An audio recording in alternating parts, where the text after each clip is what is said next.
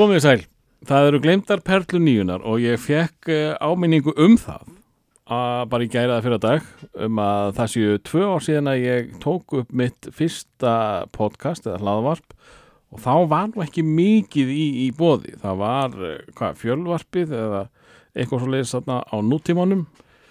Hvað heitir það, fílalag eh, hismið og eitthvað svo leiðis en í dag eru allir að gera podcast og frænduð þeirra og frængur og komið tími á að heyra hvað uh, popstjörnur nýjunar voru að vinna með. Þú nærða að vera popstjörna alveg í blá lokin Seymur Örn Heimurs Já, ég næði að vera popstana í blálókin og, og þar sem að svona mín svona frægustu lög Mm. sem að voru á fyrstu plötu lands og svona sem eru til dæmis vöðastaltur ástafár og dreymir lög sem ég spila en þá í dag að þau er að kikka inn hana í alveg lók 90s þannig að ég, ég næja stimpla minn sem 90s þannig að þú ert uh, sveitadrengur Já, ferði í uh, já, öllu meira en sveit og enda síðan sem popstjörna á þessum áraðu já, já, við vorum að við náttúrulega vorum að æfa hérna þessi hljómsveit land og sinir á Gröfurlofti á Kólsvöldi og þegar við vorum að æfa þá spilum við lög Pearl Jam, Radiohead og svona fullt af einhvers konar grönsi eða uh, svona rocki mm. þanga til að, að, að keli vinnur okkar, rótari á sálinni eins og, eins og gerðist þannig á kólsvillið þá lág leið margra, það var ekki pub eða neitt svona, en þá kom allir bara í æfingarúsnaði til okkar, það var pöppin það var pubin Já. fólk kom bara með sér degið, sem að moonshine mm -hmm. síðan vorum við bara að spila og, og hafa gaman mm. Með öðrum. Og Keli sagði við okkur, já ég ætlaði að húka upp á þessu gröfuloft endalust ef við liðið meik einhvers má monni þá þurfum við að leta ykkur upp og koma með alveg pop benda okkur á nokkuð lög eins og ábyggilega með sálunni sem var svona algjöru vinnir og á þessum tíma hafði ég sami rosalega flotta ballöði í 6-8 sem að setja mér breytist í ástarfár. Mm. en við ákveðum að hraða bara á henni gera svolítið grófa svona, svona grín eitthvað, gera grín sem var vöðvastaltur Mm. Og þetta náttúrulega er bara helbert grín. Það er sami bara á hérna gröfloftinu og kólsvöldi bara að hafa gaman eitthvað, samt í textanum ein, einsæl hljópusleikara sem var í IKI á sínum tíma. IKI, hvað er það? Íþróttakennaraskóli Íslands. Já, já, hann var hansi flottur og, og svona skorinn. Þannig að mér fannst alveg tilvalið að semja lag um hann. Bróði minn að slá mig að blóminn ráðast á mig. Já, lóðin hlaðast á mig og bráðum verði alveg eins og þú það, það var markmiðið hjá, hjá Já, Reymi Lilla það var ég. Ég var náttúrulega ekkert nema pungurinn á eirun hana og, og, og bara, þú veist, ég er ennþá að horfa á myndir og ég hugsa bara, hva, hvernig gerðist þetta?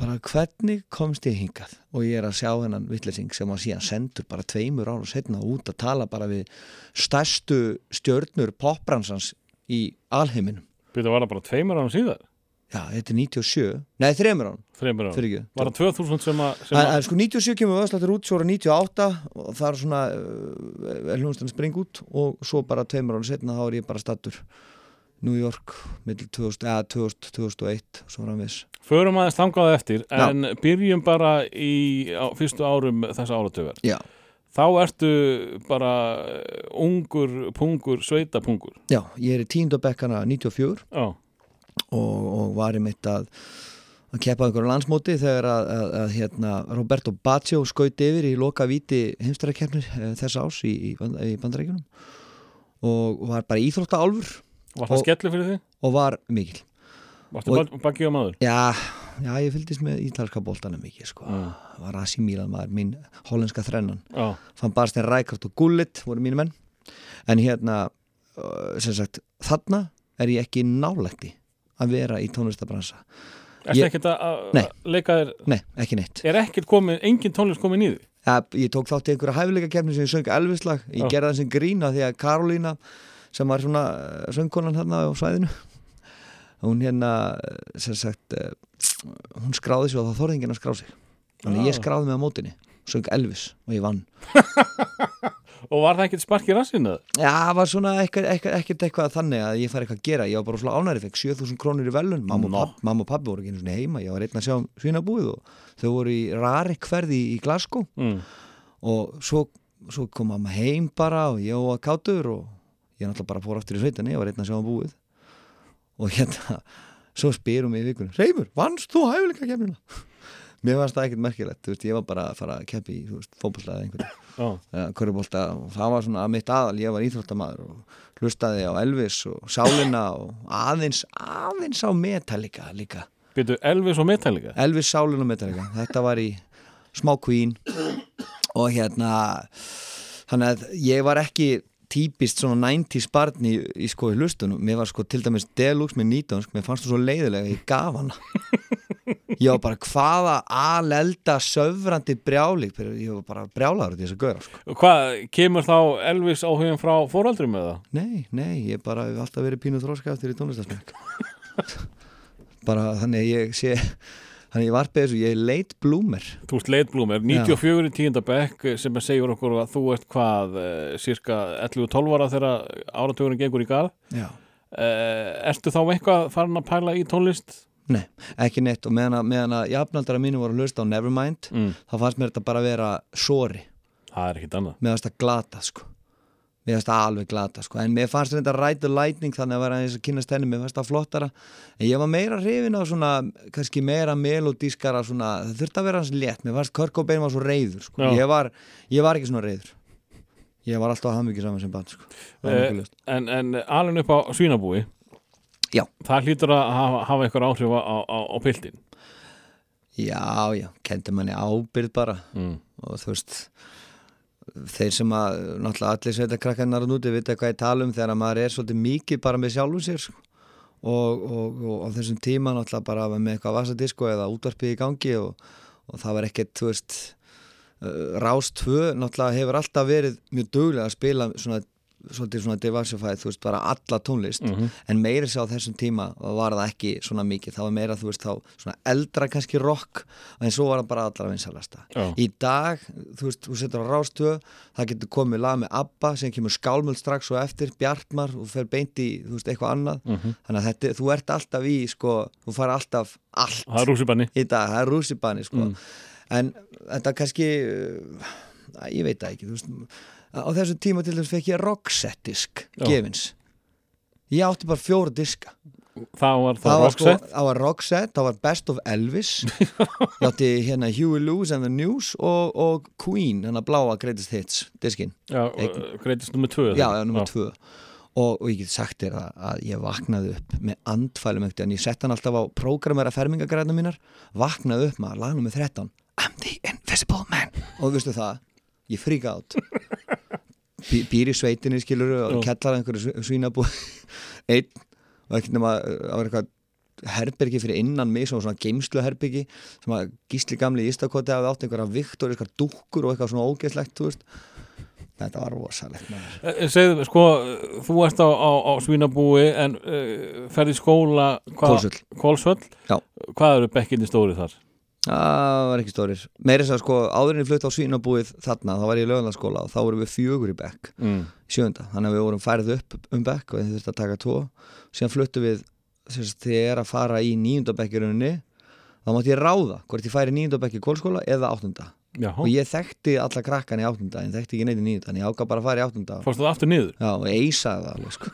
Já, sko með 9,5 eða eitthvað. Og hvað, hérna, hvað voru krakkarnir að hlusta á? Þannig að þú varst fastur í Elvis Já, sko, nei, fyr, fyrir mig Mm. að koma í kvólskóla frá lögulanskóla lögulanskóla er náttúrulega bara, þar er bara þar voru bara sveitakrakkar. Mm.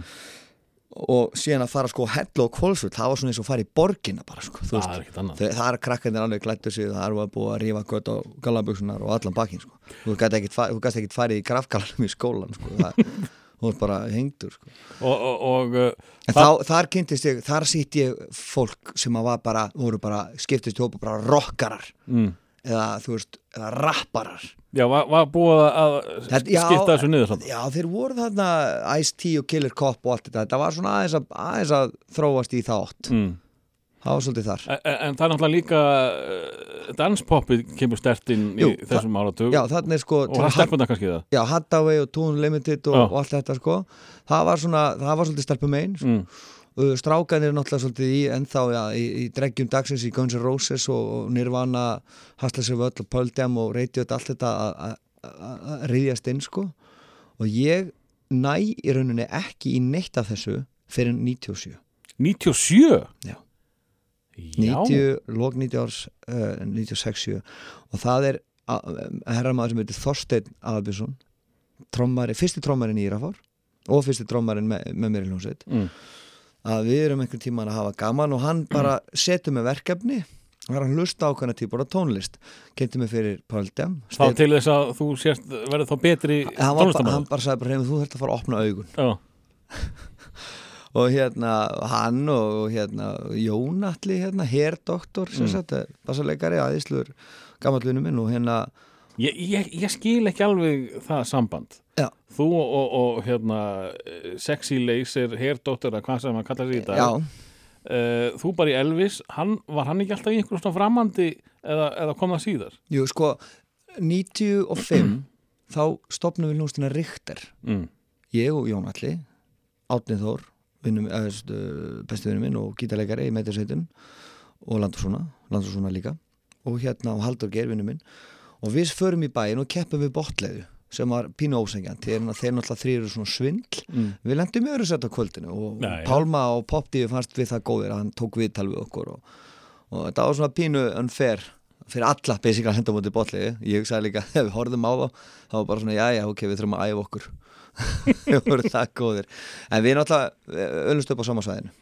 Ég hérna get sagt þér það Vist að þú sitt að montaði að tapa fyrir botleiðu Ég tapaði fyrir greifunum Toppaði það. Upp á palli inn í tjaldi Heldur betur, heldur betur. Nó, uh, en hérna Fyrsta lagið, það er íslenskt. Já, Og það er aðeins inn í, inn í, átt, ne, inn í nýjuna eða ekki? Er, hva, Hvað er þetta hugmynd? þetta. Er uh, 90 og vantala, já, 96 sjö. Mm.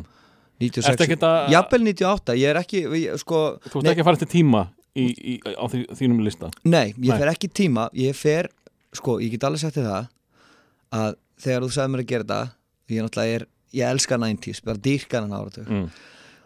og síðan var náttúrulega listi það er náttúrulega fólk sem búið að koma hérna og svo framvis þannig að ég fór í gennum listan bara skautaði hrætt í gegnum hann og setti bara lögin á milli Mm. það sem að ég vissi að, að vantaði sko en, en ef við byrjum hins vegar á Dead Sea Apple vegna þess að Dead Sea Apple var einmitt svo hljómsið því ég fór á það á gögnum 97-8 ég sé á live og mér er sagt að ég hef að kíkja á þessu hljómsveit þeir eru eitthvað big deal og hugsanlega að fara að gera einhvern samning. Og ég fyrir að kíkja á það og ég sagði bara wow, við þurfum að efa okkur.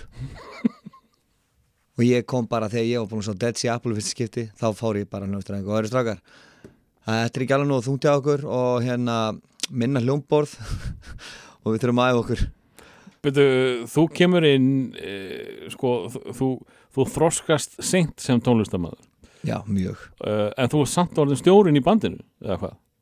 Minna hljómborð, þau erum að rokka okkur hvað, já, ég veit ekki, alveg, veit ekki alveg hvað það er sko. Gamli Elvis uh, söngvarinn. Já, ég, veist, ég, ég veit ekki einu svona hvað af hverju það- í ósköpunum þetta gerist. En, en á þessum tíma þá bara ég veit ekki, voru ekki menn bara vanir í að söngvarinn er yfir það er ekki bara það. Ég hafði, ég hafði ekkert meira vit en, en næsti maður sko. Uh, árið förum í Dead Sea Apple uh, hvernig gerist það? Sko, eins og þú talar um það þá var tónlist ekki efst í huga. Nei. hvenar sko, og, og þú, þú ek- fylgist ekki vel með. Þú, þú, þú ert að detta inn í Nirvana og vinni þeirra 97 þegar það er búið það ævintýr eiginlega. Já, hvað, hvað gerist, akkur fer allt inn í hljómsveit? Vegna þess að ég vann þess að hæfileika keppni og var það bara í min- minninu hjá fólki eða fórstu strax að Nei, það var sko, herðu, og kom þetta söngvara fyrir áramóta balla á Kólsulli mm, 95-6 herðu, þessi gaurina hann vann hennar hæfileika keppni í fyrra. Við ekki að tekka honum.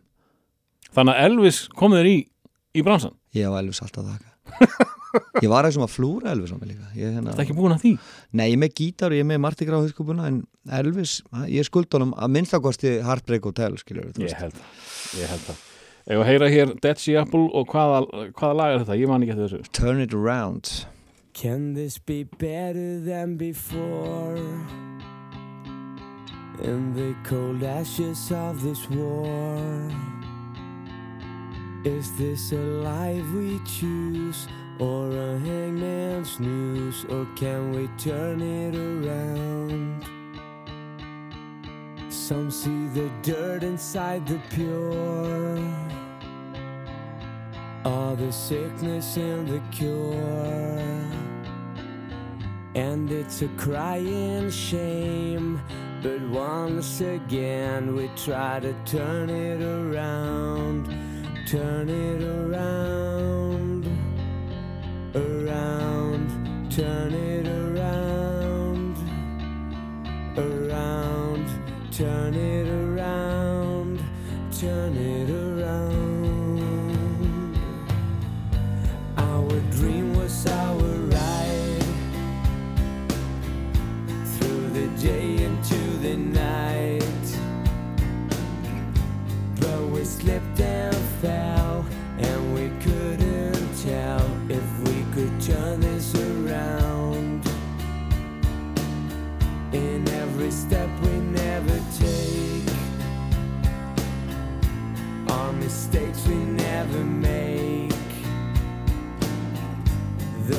out of date, it's not too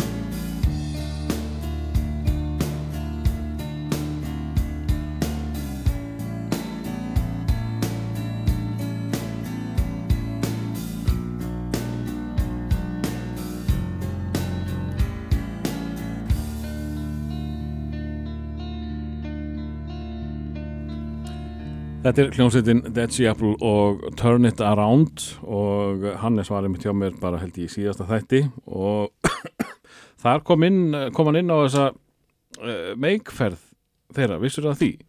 Já. Tvö sömur til New York New York, yes á, og, og síðan hérna voruð bara fluttir hingað heim með öllu já, sínu hafur taski og fullt af einhverju fólki frá uh, New York og þannig eiginlega varð ervegs til Já, það er bara held ég nokkuð með rétt ég allavega hérna þegar að við erum úti þessi land og sinnir hérna í New York, ég var hérna með hann fótinn í eitt og halvt ár cirka mm.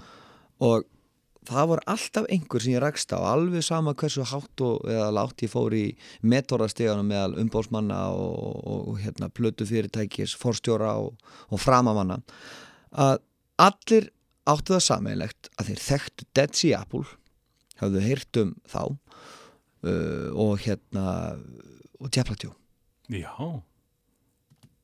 Ég nefnilega, ég sko ég þekki ekki Apple merk- eh, mikið uh, og ég hafði ekki hugmyndum að þeir hefðu farið í þessar meikferði sko, tvö sömur, heil tvö sömur í New York, þeir það er voru, þeir voru rosalega nálægt. Og málið það, Sea Apple líka sko því að þetta voru ekki kettlingar sem voru að þeir voru að díla við sko. Nei. þeir voru bara það, bara þú veist, þetta var bara línudans hefði geta fallið hvorum megin við. En því miður þá, þá varð ekki meira úr þessu sko en þetta band átti svo sannlega skilið að verða miklu miklu meira. Uh, og uh, svo komið þið fram á Erfis núna og uh, þú ert, uh, það er Jólin kom snemma hjá þér í ár. Já, það eru auka tónleikar hvað á Hard Rock? Ég, ég hrópaði eftir öðrum tónleikum en á Airwaves og spurði akkur í, í fjandanum það væri ekki að gerast og Hannes svaraði mér fullum að hálsi og sagði ég var alltaf bókar, það breytti engum málu þau myndu bókar á tónleika svo settuðu bara á tónleika á Hard Rock mm og ég er bara búin að taka frá þannig tvö borð og ætla mér að fylla þessi borð ég er meira spenntu fyrir Dead Seapple tónleikunum en ég var að fara á Pöldjam í Bellin í sumar það er bara þannig, það eru stór orð það er stór orð og uh, ef þú ert að hlusta á þetta snemma þetta kemur út hvað uh, þetta kemur út 13. november og þeir eru hvað 15. eða ekki ef ég maður rétt, ég held Já. sé 15. daginn það er fimmtæn, já, Ú, ú. Uh, þú varst að halda þig við íslenska tóna hér í upphafi Já. og uh, þetta er sveit sem að ég þekki nánast ekki neitt Nei. en uh, já, trommuleikaran hefur alltaf verið mjög ábyrrandi sem endaði síðan með sem magnaða söngvari og fáið viss að því á hann þessar rattir, veistu já. það það finnst mér langt flottast að vera lagið sko, Sjónni Brink heitinn Mm. vinnur okkar, hann hérna hann er trommari, eða var trommari í þessan hljómsið In Bloom og, og syngur allar rattir, hann er allar rattir sem þið heyrið á, á trakkinu, krakka mín eru, eru Sigurum Brink. Mm. og, og, og það sem að kannski já, fáir allt og fáir vita er að hann var algjörlega geggjaður söngvari. Hann var bara ófær um það að syngja falskt og, og, og alltaf því heyri sko Bruno Mars þá heyri ég alltaf svona votta fyrir smá sjónna, ekkert ósvipaður tótni í röddina sem að svona eitthvað svona twang sem að er eins en það er svo fyndið að því ég byrja að trúpa svona svolítið þurfti að fara að ná mér í auka Monsa Mm. og þurfa að fara hætt, hætt að þurfa að fara að reyða mig á, á Vigni og Magna alltaf við hliðin á mér átnaður Mm. þá kynnist ég Sjonna og, og hérna og við erum alltaf að spila eitthvað og síðan eitt kvöldi á hverjusbarnum þá rennir hann í lagi Pictures með In Bloom Mm. og syngur þetta svona listavel og ég sé að hann á eitt borði sem bara fyrir á algjört flug, lifnaði bara við og ég var bara, wow, ok, þetta er nú gott lag en þetta, akkur er allir frík út hérna, hafði ég ekki hugmyndum að Sjónni hefði verið í In Bloom, Mm. ekki hugmyndum það sko. Veist af hverju hann uh, söng svona seint, af hverju hann byrji bara sem uh, trommari? Segi bara eins og það sé eitthvað ómerkilegt. Já, sko það, það er svo magnað að, að með menn sem afengtum að vera á trommur að þeir verða alltaf að taka trommusetti aftur. Þetta er eins og Jón síði svörtu fötum og hann sé trommusett, þá bara er hann farin að spila eitthvað sóló. Var hann trommari? Já, hann var trommari. Og hérna þú heppin að hafa ekki upplegað að vera við hliðin á trommusetti hann er ofvirkun úr þegar sko en þegar hann setta hann fyrir fram á trommusett það er rosalega, það er frættan trommusett en allavega, hérna Sjonni ég sá hann aldrei tromma. Aldrei? Nei, og meiri sér að þegar vorum að spila live eitthvað á það, eitthvað band og svona þá maður haldi kannski að menn var kannski búin að flengja nokkur kvöldum í sig að menn fara aftan á settið og taka kannski eitt lag, hann gerði það aldrei. Síndi því aldrei áhuga, ekki neitt sko Hann bara, hann var búið með þann part Já, það verðist bara, ég er búin með þetta, ég þarf ekki að gera þetta aftur. Og Mm. þú veist, ég var alltaf að býða eftir því að hann myndi koma og taka lægið eða eitthvað svona. Hann síndi því aldrei áhuga og bara gerði það aldrei en mér er sagt að hann hafi verið mjög góður eða sérst bara mjög frambærilegur var ekkert að reyna eitthvað á mikið en það heyrðis kannski á trakkinu en, en, en, en, en heildar trakki sjálft uh, Pictures með Bloom er virkilega flott og eins og þú bendir á rattinnar eru geggjaðar. Mm Heyrum hér hljómsýttina In Bloom og lagið er Pictures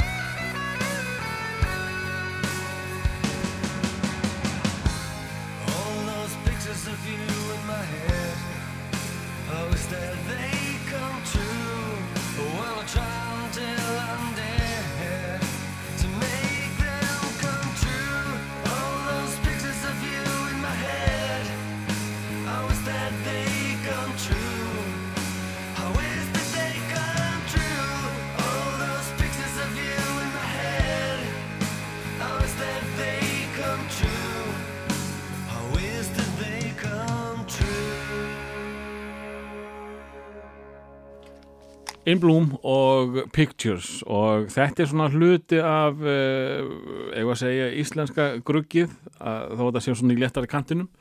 Og þú myndist á Dos Pílas líka. Já, þeir eru alltaf ofalega á lista hjá mér hérna uh, og ég hlustaði þeir gátt hann eina fjögur að fimmla svona, Var það ekki svona meira grugg, það svona þingra heldur þetta?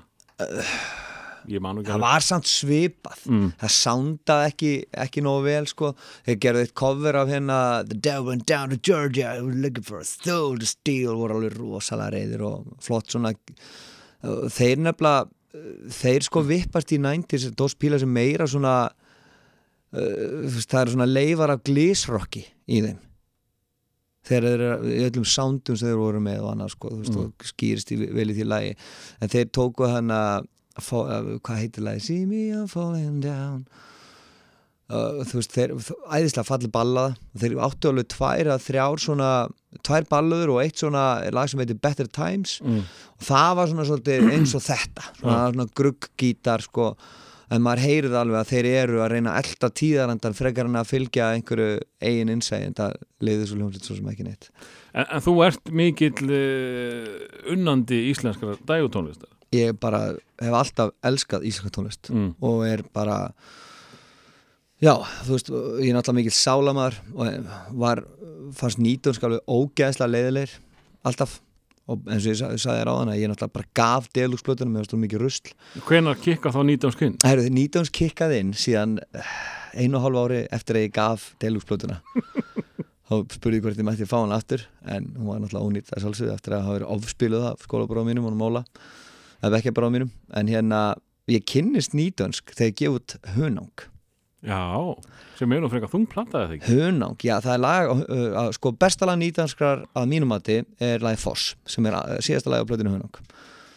Og lagi Foss er í rauninni bara já, það ættir hún bara að vera á listanum minn hjá mér, sko, ég er bara að fatta hann en það er uh, þeir sungu það seint live vegna þess að þeir töldu sig ekki geta það út af uh, svona rallega Mm.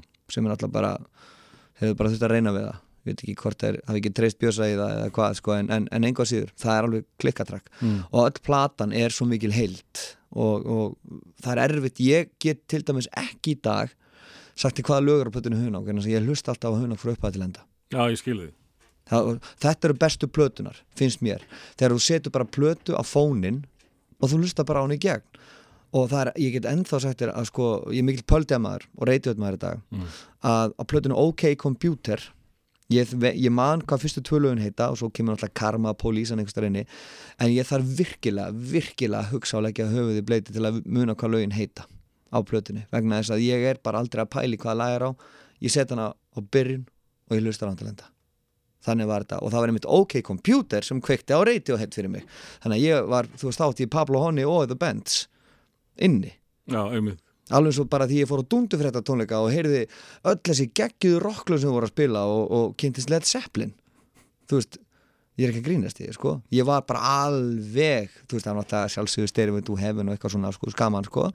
En uh, Immigrant sá ég fyrst með uh, hérna dundufréttum og hérna það er svo mikið að, þú veist, allt kansastóti og allt þetta, allt, þetta sá ég allt með dundufréttum og en þetta, þetta finnst mér bara ég setja þetta ekki á fónin, ég fyrir frekar að lusta á dundufréttir spila þetta því mér finnst ég gera það betur. Þetta, þetta er svolítið magnað uh, þetta segir manni að, að, að uh, sveita pilsins draumur uh, var ekkert endilega tónlistilega Nei. á, ábyrjandi Nei, ég var rosalega spenntur fyrir þú veist nýjasta læginu frá Sálinni og SS Soul svona, Sálin kom strax já, ég, ég tengdi strax við það. Ég, uh, og SS Sól þá kannski í liðin Nei, nei, það var ekki fyrir þeir gátt plötuna Blóð. Mm. og lagi Lóm er að lifa kom út. Já, já, það fannst mér geggja lag. Og þarna er ég aðeins farin að herðast. Og farin að byrja að vera í hljómsveit búin að fá listan frá Steina Aðabjörs með Pearl Jam og öllu sem ég þurfti að hlusta á.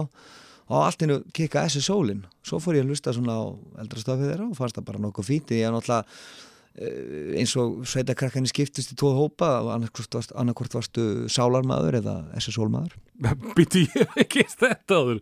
Vam og Djúran Beatlendur og Stones. Það er við slóumst maður. Ha? já, Sálin og, og, og Rólin sálin og sólin. Já, þetta þetta var alveg tvent sko. Já, ha. þetta er, þetta er, þetta er nýjar upplýsingar og uh, tilvalega að fá þetta í, í svona þátt.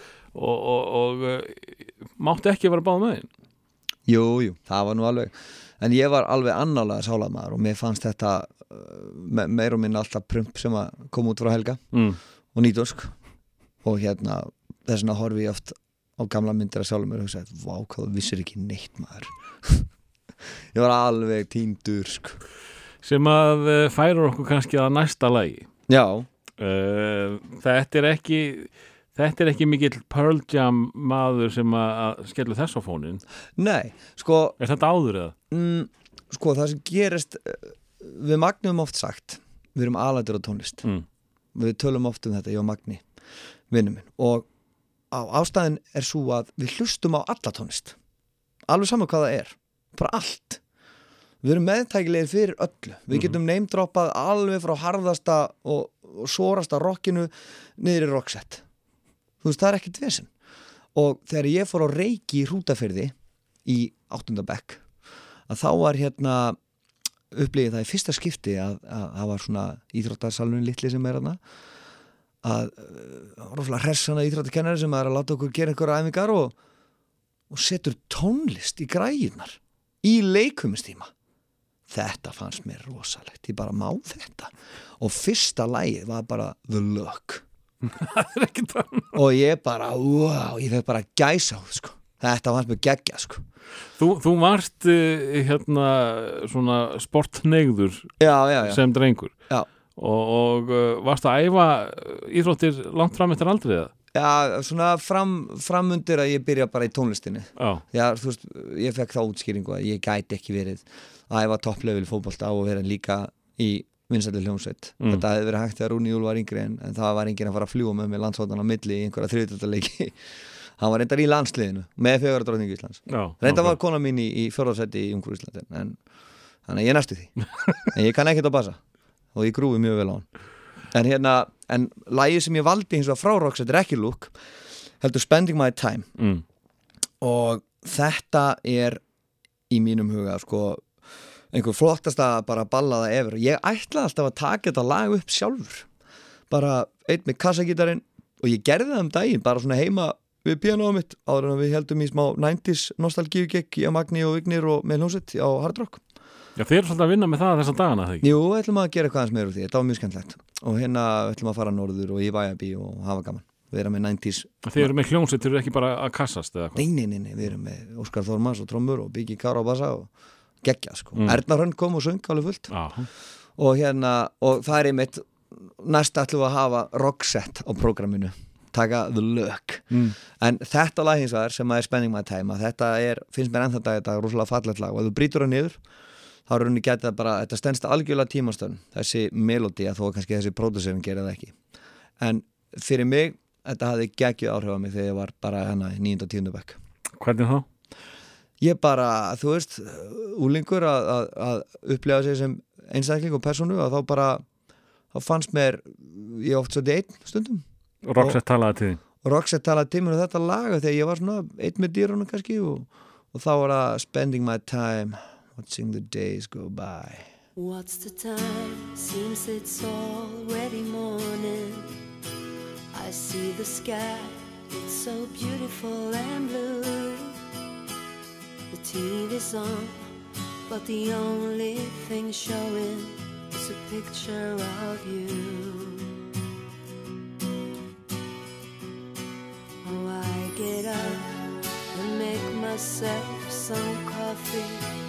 I try to read a bit, but the story's too thin. I thank the Lord above, you're not here to see me in the shape I'm in. Spending my time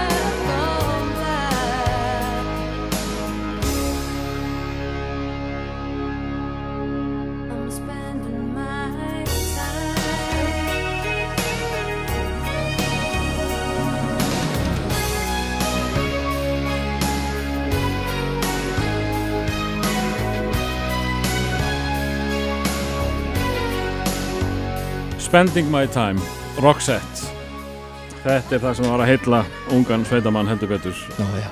En uh, við förum aftur þangað áður en að þú uh, ferð að fykta við uh, tónlist sjálfur Já. uh, Skemmtanarlíf út á landi. Hvernig, hvernig var það? Hvenær, hvenær byrjaði þú að- að fara á sveitabölu eða hvað það var? Hvað, Sko- hvað er þarna? Ég, ég er náttúrulega bjó einum og hálfum kilometri frá Njálsbúð. Já, og ég gæti stið með leiði við mýrana sem sagt, þá hérna var ég bara mjög fljótur ákað og hafði það einu sinni að fara og setja bala á Hespagi skildi bara hrossin eftir fyrir aftan Akureyja kirkju og, og hérna náð, fór svo bara aftur heim. Ekkert ves þú vonandi ekki þá að vera að drekka áfengi? Ha, ha, nei, Nei, reyndar ekki Nei. vegna þess að ég byrjaði mjög seint á Mm. því. Og þarna var ég búin að fá leifi frá pappa ég mætti alveg kíkja aðeins svona, fólk er að byrja að mæta en um svona 10, hálf 11 húsi og opnaði þá og hljósendi byrja nú aldrei reyndar aldrei að stíga á stokk fyrir en svona kannski 12 kortur yfir 12 fyrir fór eftir mætingu og hvena fólk kom. Nema hvað ég mátti náttúrulega fara sinni í eldús og vera hjá henni Hildi Klauf. Hún var að bara smýra rækjusamlokur og gera allt klárt fyrir fyrir fólkið. Það væri orðið svangt Mm, loka kvölds og svona. Mm. og hérna og þá gæti ég svona skýtt í gettina og sé hittuna mína sko. Og það er svolítið skondi frá því að segja ég fór á njálsbúðaball á Hesbæki á Vinnós og Blóma.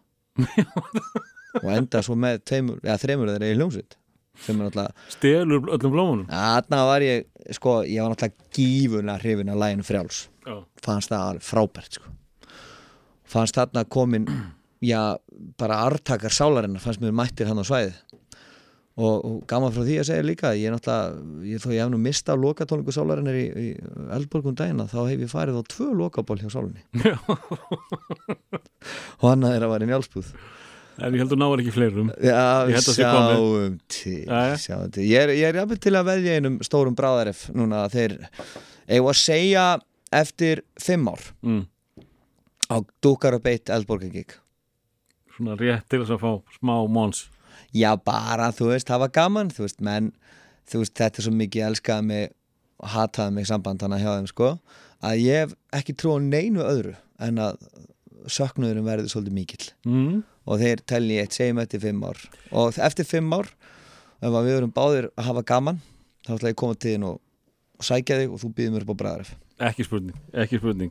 En eftir fimm ár uh, og þeir eru ekki að fara að gera nokkuð skapaðan hlut. Þá kem ég meðan þín. Það er flottur. Já. uh, En uh, og geði nýja leikningspeysu Já, takk fyrir það. Uh, Það, við erum að tala um að skella sér á uh, sveitaball á, á Hæsbaki, þú fóst með þetta alla leið. Mm -hmm. Það næstu greinlega ekki komin með aldur þar sem að þú ert eitthvað að sníklast í eldúsi og, og, og Nei, ég er orðin, ég er, uh, ég er ekki orðin 17 ára. Þetta er sem sagt um vorið, þetta er það- 95 er þetta átjónara ball þá eða? nei, 16 ára. En hérna ekki með veist aldur til að drekka skilur, Já, skilur þó að flestir hafi verið svona kannski aðeins byrjaðar á þessu. En þú, varst far, þú fóst á tjúktaðir eða varstu bara Nei, nei, ég bara rétt fór og kíkti. Hanna var ég svona, pappi var að svona, ah, Jú, jú, farðu bara en verður komið fyrir eitt. Mm. Þannig að ég gerði það. Uh, En uh, síðar meir ef þú býr þarna sko í hlýðina á þessu sögufræga húsi þú lítur að hafa mætt þarna einhver tíman á alvöru dansleik. Síðan var bara verið að hafa gaman. Ég man að, uh, sko, því ég var orðin 16 og þá mátti ég alveg fara að kíkja, sko. Mm. En ég var beðin um að vera ekki með síðustu skipunum heim. Alltaf bara, þú veist, um koma bara eftir fyrra sett Þannig að einhvers staðar milli 1 og hálf 2 eitthvað svo leis Þú máttur ekki að klára ballið? Nei, helst ekki. Nei. Það vildi ekki, það vissi alveg Hann alltaf verið löggunni, sjálfur Helga löggunni og vissi alveg nákvæmlega Helgarlökunni Já, helgarlöggur voru mjög algengar að því að það var náttúrulega ballhús og þannig að menn gáttu unni sem helgarlöggur. Þetta hef ég ekki hýrt á Já, og fengu hérna þess að pabbi var í Rarik sko, eða fóðsbabbi minn var í Rarik og, og, og hérna var náttúrulega, þú veist, handbólta þjálfari og, og það er til fræg mynd af tveimur helgarlöggum, hann- honum og Jónis Már á vegagerðin þar sem þeir fleia út karatikennaranum á kólsvöldi, hann var búin að vera með einhver leiðindi. Hann flý, flýgur í lo- loftinu, nei, segir en hérna uh, ég sem sagt uh, uh, pabbi var hann að hafði séð svona ímislegt og vissi svo sem alveg hvað hann var að segja og ekki þá. Og ég var líka alveg bara þannig að ég var ekkert að drekka hana og, og, og byrja ekki í runni fyrir bara já, haustið ég er að vera á, já, áður en að vera átján ára jú, það var enda þá, starf ég ætlaði ekki bara verið um kringum áramótin þá. Já, um það bil sem að, að ég kynntu fyrir læginu til dæmis State of Love and Trust með Jam. Og það er sko ólíkt öðrum Jam aðdándum sem að kannski byrjaði að fíla lægi Jeremy eða Alive og svo framvegis, þá var svo plata löngu komin út. Og þeir eru náttúrulega búin að gera ímislegt og túra og svona og allt innu var ég kynntu fyrir þessu lægi State of Love and Trust og ekki orginal útgánu heldur sko live on MTV já, já. og ég fekk þessa tónleika á Vaffaðis bólu einhver að komist yfir þetta. Og ég þannig kynntist ég Jam Þannig að þú, þú, Unplugged. Já, þú heyrðir þetta unplugged? Já. já, og fyrsta lag sem ég heyrði var State of Love and Trust. Og ég varð, ég veit ekki hvað það var en ég var alveg instantly ástfangin af þessu bandi. Og fannst þeir bara geggjaðir Og var það ekki ansið þægilegt að geta farið síðan yfir í ten eftir það? Jú, það var náttúrulega meira átt að að hlusta svo á Ten og, og, og hérna Versus strax að því að Versus var komin út Mm. Eða, og hérna eiga þessar tvær plötur hann inni og þannig er ég ekki einu svona byrjar að hlusta á Radiohead sko. Eh, sko, þú talar um Versus sem eh, þá góða plötu. Hva, hversu góður langt eh, inn í, í nútíðina er Pearl Jam? Núna, um, ég er mikill Jam aðdáðandi og ég er búin að fara á tvo tónleika. Þessar tvær fyrstu plötur sem voru Ten og Versus fyrir mér eru algjörlega jafnar. Að sko uppáhalds Pearl Jam lagi mitt í dag er hérna An Elderly Woman Behind a Counter in a Small Town. Mm. Það er fall- Versus eða ekki? Ara Versus, rosalega fall kassagítar lag og, og lagi Daughter til dæmis sem er plötu. Og síðan finnst mér svona ekkit, ekkit mikið vera að frétta hjá þeim þú veist það er svona eitt og tvölu og hverju blötu eins og, eins og svo marg oft gerist bara og svo safnaður í katalógin síðan kemur platan Backspacer út Hvernig er það? 2007-08 cirka og svo plata finnst mér bara ein af allra allra bestu pöldjamblötunum Nú. þannig að það var verið duglega að spila nokkuð lög henni alltaf live Mm. og ég var svo heppin að ég, Magniðinu minn hann er náttúrulega algjör tónlistarnörd þegar kemur og er í öllum aðdáðandaklúbunum og hann er náttúrulega snar geðugur þegar kemur að þessu. Og hann er alltaf að gefa mér vínulplötur gefa mér í ammælis og jólugjöf og fæ alltaf vínulplötur á Magna þannig að ég var þetta fínast á collection af, af hverjum rare pöldjamplötum sem er frábært. Af því að hann er svo duglegur að, að, að græða þetta. En hérna hann sem sagt, eh, við ákvæmum að fara saman á, á pöldjam út í Leeds. Og bara indislega ferð sem við áttum hana og frábært venju. Og ég, ég hvet fólk ef að þið sjáu tónleika Leeds það heldur sér bara einn svona alveg tónleika höllana hún er frábær, hún er svona grunn. Þetta er svona eins og nett sko ég fekk svona tilfinningunni sem ég var komin inn í reyðhöll en það sem að, að, að þú ert í svona, svona pittur og svo er svona frekar svona brattar svalir fyrir aftan. Þannig að það er allir alltaf frekar nálægt sviðinu sko. Já, já. mjög flott höll og hérna og þar spiluðu þeir í þrjá klukktíma og 40 mínútur Ekki nema. Eddie Vedder var pínu fullur hann var, að, hann var að drekka rauðin og þeir segja það að hann sé skemmtilegastu þá Mm. og við fengum öll vinsalastu lög Pöldjam á einu tónleikum nema Just Breathe sem er róleitlega af plötunum Backspacer Eh, nú heyri ég svolítið oft eh, neymdroppa öðrum listamönnum. Já.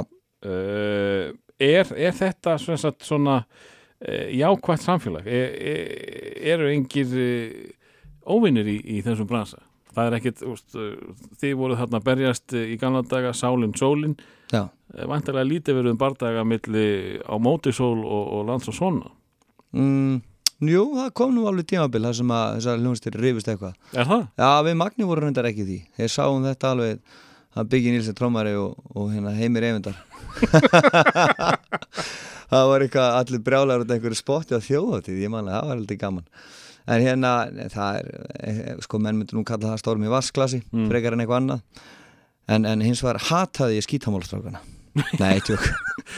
En sko, uh, þú náttúrulega, þú veist, það er margir sem tala um að- early 90s sé sko sveitaballa, uh, sveitar menninginu uh, sko upp á sitt besta. mm.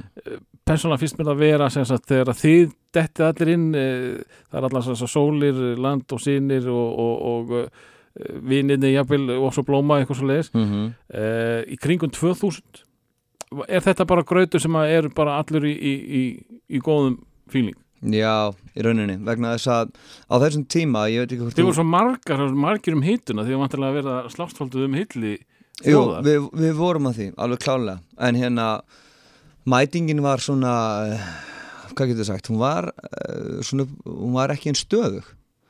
Þú veist, ég get ekki bara bóka bal fyrir norðan og, og rekna með fullu sjalla. Nú, þú, þú varst, voruð þið hvergi með einhverja, ég, ég man að Sóldök tala alltaf um höfni hótnafyrð og húsvæfi já, menn, þeirra- menn, menn áttu sín svæði sko, Hva- Hvað var ykkar svæði? til dæmis var okkar við vorum gífulega vinsalir fyrir norðan á Akureyri, Akureyri, já, uh, okkar vestu böl voru í Reykjavík. Já, það, já, já, var það ekki með flest þessi sveitabála bönd? Já, það er sko það sem að gerist í rauninni er, þú veist, þessi ballmenning, fólk er svona hún er að fjara út. Það er alltaf eitthvað meira um að vera þú veist, er, einu sinni var þetta bara þú veist, sveitaböll það var ekkit annað að gerast. Mm. tónleikamenningin er svona hægt og rólega ráðast inn í þetta og ég hef alltaf sagt að það er sér pínu sorglegt að land og sýnir hafi mist svolítið af tónleikasinnunni. Því við gerðum alveg geggja af plötu hana 99 herbyggi 313 og mikið þrekvirki þessi plata. Rosalega mikið unnin, vorum að hlusta mikið á uh, producerinn William Orbit gerði plötuna Ray of Light með Matonu alveg geggjuplata og þessi gaur búin að vinna með öllum þessum helstu og, og akkurat hann meira segir ég að kynast þínum önum í Deep Edge Mode bara svona algjört dæt sko fyrir svona bara þessi vinsalustu, allra vinsalustu lög. Mhm. og, og það er svo sorglegt sko að við landum sem við heldum tónleika hana í, í bíóborginni gamlu, Östubæða bíó og ég gleymi því ekki hvað, mér fannst þetta skrítið að spila á svona tónleikum. Allir sitjandi allir bara vandræðilegir eitthvað sko. bara í landsinni, hvað er, erum við ekki að fara að dansa það það var alltaf eitthvað svona. Og ég var alltaf bara En þeir leið bara illa að vera ekki með fólkið hoppandur fram að því já, Já, ég kunni þetta ekki heldur sko. Þannig að þú veist það er pínu sorglegt vegna þess að bandið var vel spilandi og þú veist það er ástæði náttúrulega fyrir því að við hérna þú veist, fáum áhuga ellendis frá þú veist, pródúsirinn hennar Svölu var bara á landin og heyrði í þessu bandi heyrði í plötuna, herbyggi 313 en það er samt fyndið sko að þegar kaninn sænar okkur, það er að fyrsta sem þið gera er að reyna að Ameríkuvaða bandið. Og taka bara land og sínu úr land, Já, land og þetta er eins og kona sem verður ástafangin einhverju manni og svo leið og kemur inn í sambandi og byrjar hann að breyta honum eftir sínu höfði. Mm. Veist, er það var nákvæmlega það sem gerðist vegna þess að þeir heyra þetta unique sound sem var á Herbyggi 313 og byrja svo bara að breyta okkur. Og síðan á valla, þú veist, þó ég sé mjög ánæður með plötuna Happy Endings því ég er mjög hrifin af háskólarokki, svona easy sucker melody, handbóltarokki að þá hérna var það sorglegast að við allt saman að Njalli heitinn hljómbúsleikari landsson hann fekk e- eiginlega ekkert að spila á þessara plötu. Nú er það þannig. Já, og það er það sorglegast að við þessara plötu í raun og veru. Og hann var eiginlega, hann var eiginlega hetjan á herbygginu Eh, Já, já, hann og Atti 800 þeir að sko við vorum hana vissulega, ég á laugin og lagasmíðarnar en, en, en ég get ekki með nokkru móti eigna mér þessari plötu eða, eða áferðina vegna þess að þeir tveir eiga mest lang, lang mestan heiðurinn af henni sko. Álinni gleymi því að því við vorum í njálsbúð á þeim Já. Þú fórst þangað á Hesbaki Hvenær spilar það fyrst? Ég spilaði fyrst í Nálsbú 96 um, vorum að greifarnir voru svo almennlegir þeir hérna lög okkur að spila í pásu og, hitu fyrir sig hérna einhverjum tveimur, þreimur bölum Og þá voruð þið ekki orðin eitt eða hvað? Nei, við vorum hérna hétum uh, hvort við hétum frökinni Júlia Mm. eða sexapíl, ég man það ekki það var eitthvað, eitthvað gaman. Og hérna, og greifarnir einmitt sem þú tapaði fyrir músitilunum þeir voru þarna Það hætti að minnast á greifana, við líði bara illa. Þeir hérna, já fyrir ekki.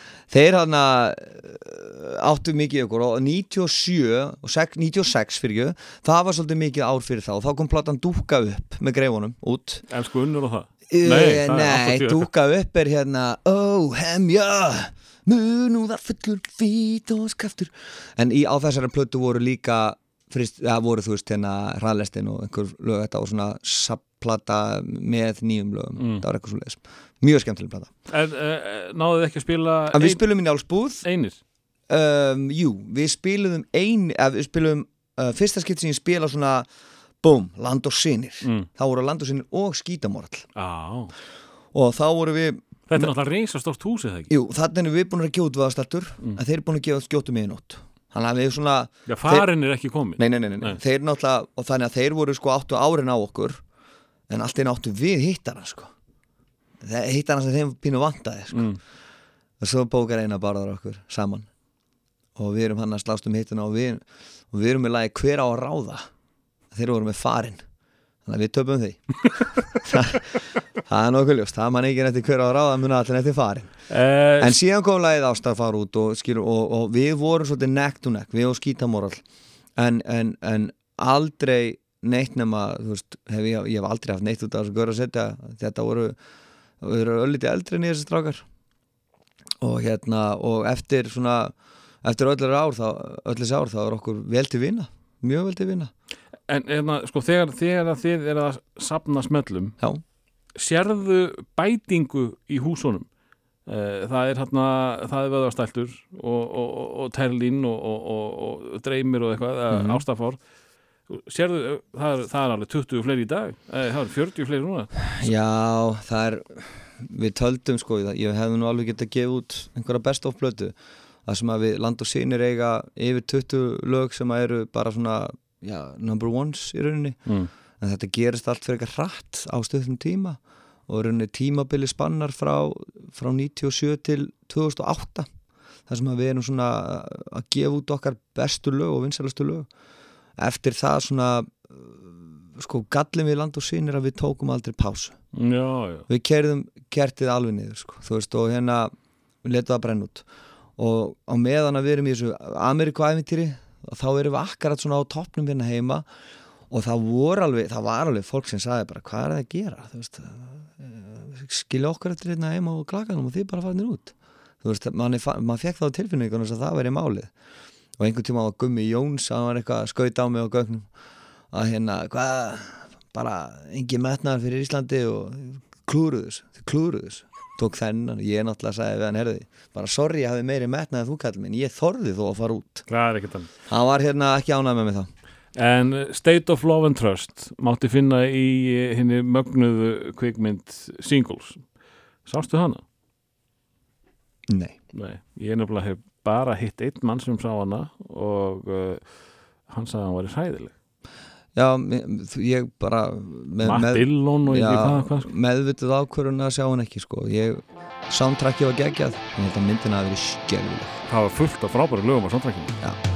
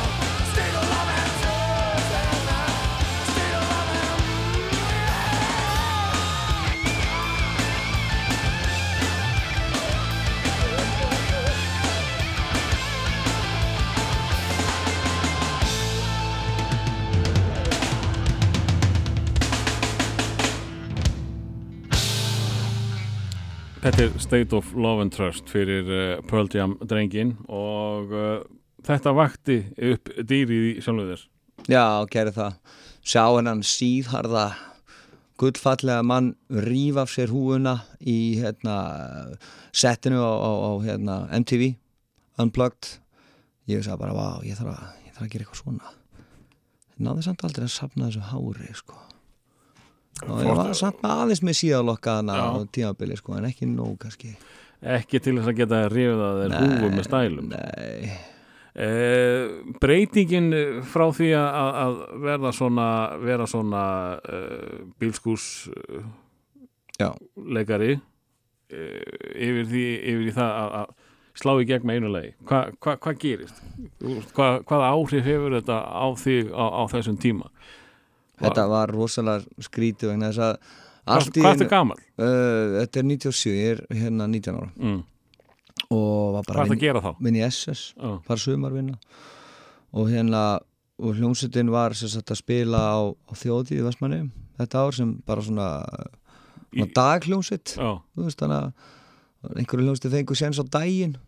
Það veist, voru svona frábæri leikmenni já, það var svona frábæri leikmenni eins og Johnny on the North Pole og Land og Sýnir og einhverju svona og Mm.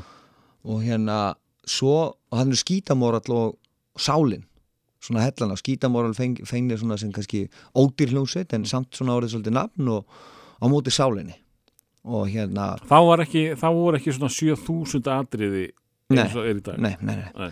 og hérna, og við erum hann á daginn og ég náttúrulega bara, tók þessu mjög alvarlega, sko, ég vildi bara, við, mínu menn væri bara algjörn og ornit og við varum nú allir komin til þess að hafa gaman og, djamma eins líka. Mm. en svo gerist það þarna á, á lauga, nei, jú, á sunnudeginum frekar en laugadeginum nei, það var á laugadeginum, djók.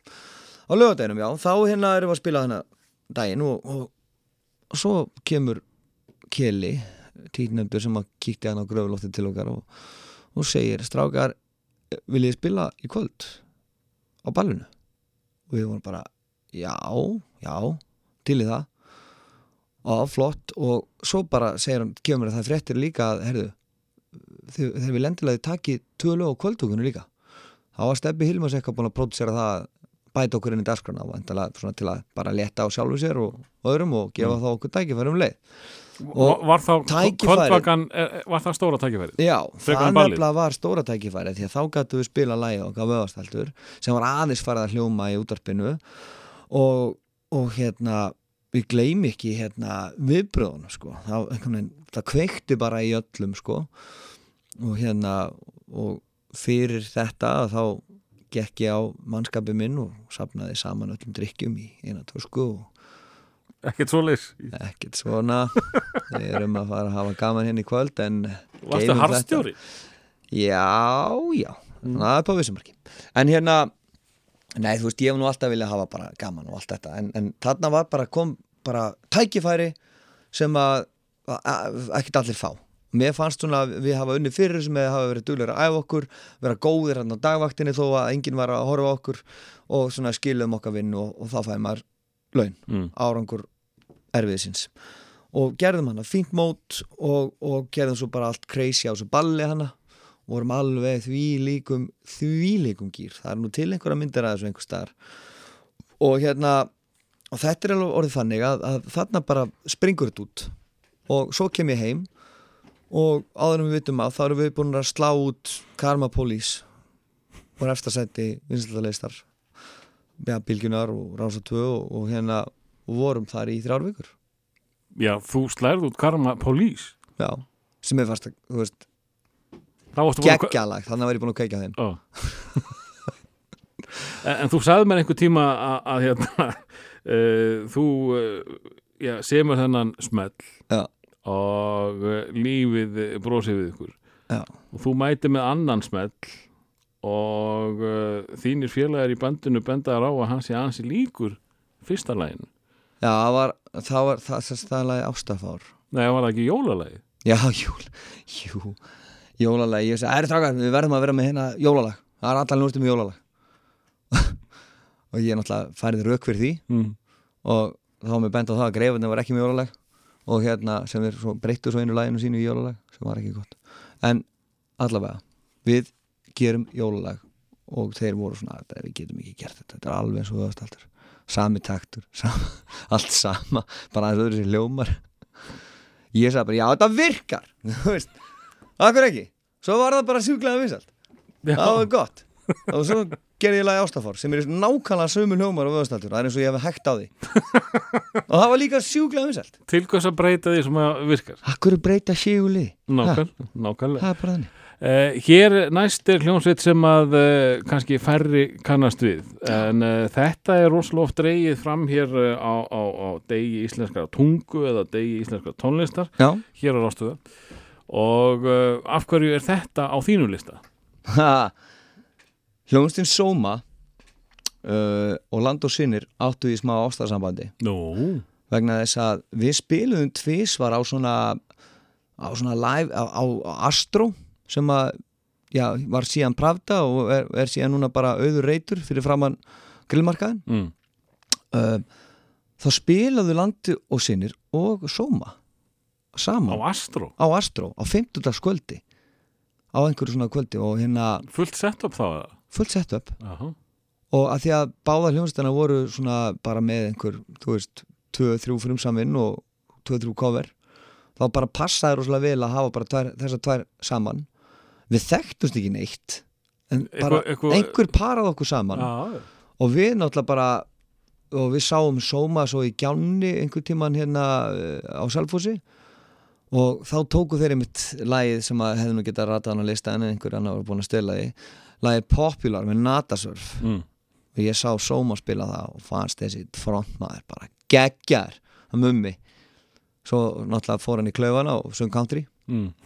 Og, þannig fór sjófyrð nei, nei, það var þetta mjög flott líka. En, en, en, Þú talar um að þeir hafa spilað í Gjánni er, þetta- er ekki sveita sveit, þetta er, er borgarsveit Sóma, Sóma er bassaleganum frá Lingási uh, Það er rétt á hellu, en hérna, en, en jú, þetta er nú svona borgarsveit, en hérna, en, en Sóma, þetta lag Grandi Vogar, þetta, uh, þetta heitti algjörlega mark og þetta var mjög svipum tíma á að steltur, held ég aðeins og undan ef eitthvað er. Það, ég held að vera eftir Já, Það skiptir ekki öllum Nei, heldur undan. Má ég gista, má ég sofa hjá þér? Ég skal vera í öllum fötunum ofan á sænginni. Þetta er Í næsta herbergi Í næsta herbergi.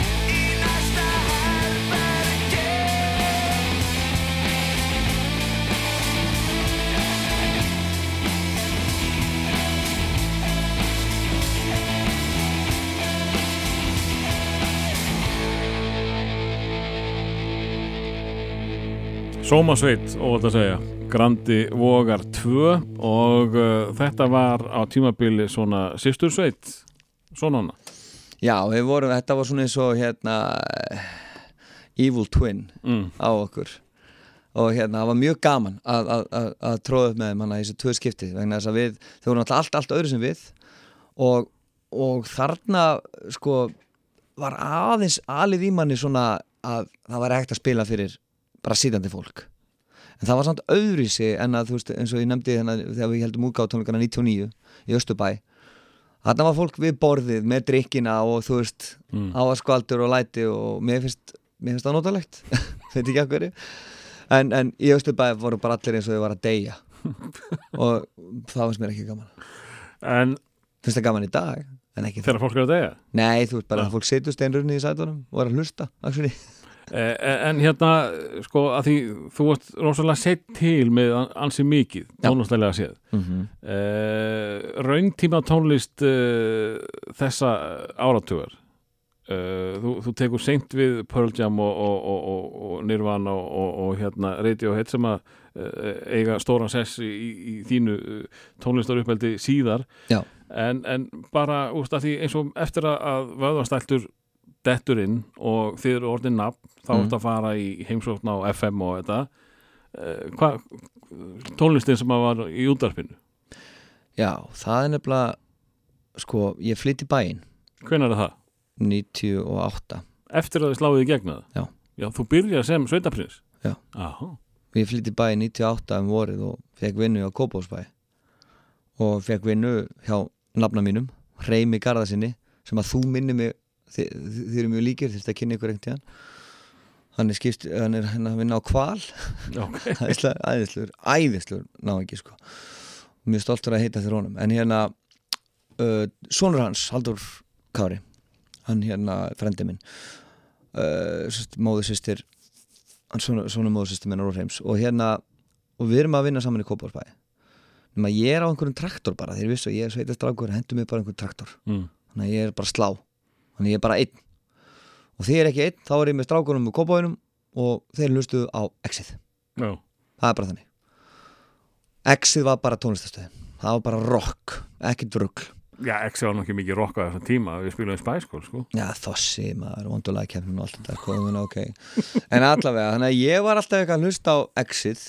Og hvað, veist, og og, það var ekkit útarpið sem traktor. Nei, og ég átti ekki vasadiskó þannig að ég var bara að einna slá þú veist eitthvað, og svo þegar ég hitti þá þá var að vera að hlusta á Exit. Og síðan eru við að taka upp tónlist.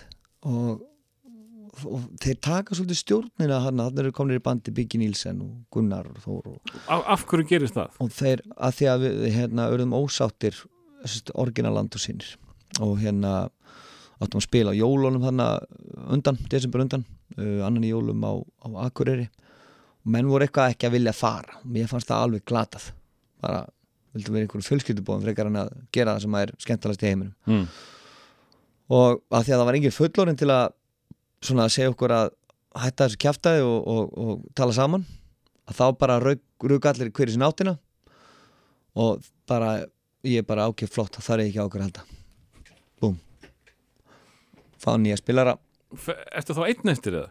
með nonni bassleikar með mér og einsi hljómbasleikari hann var svona gorkinni að því að hann var bara klára skóla og, og veist, var bara í því.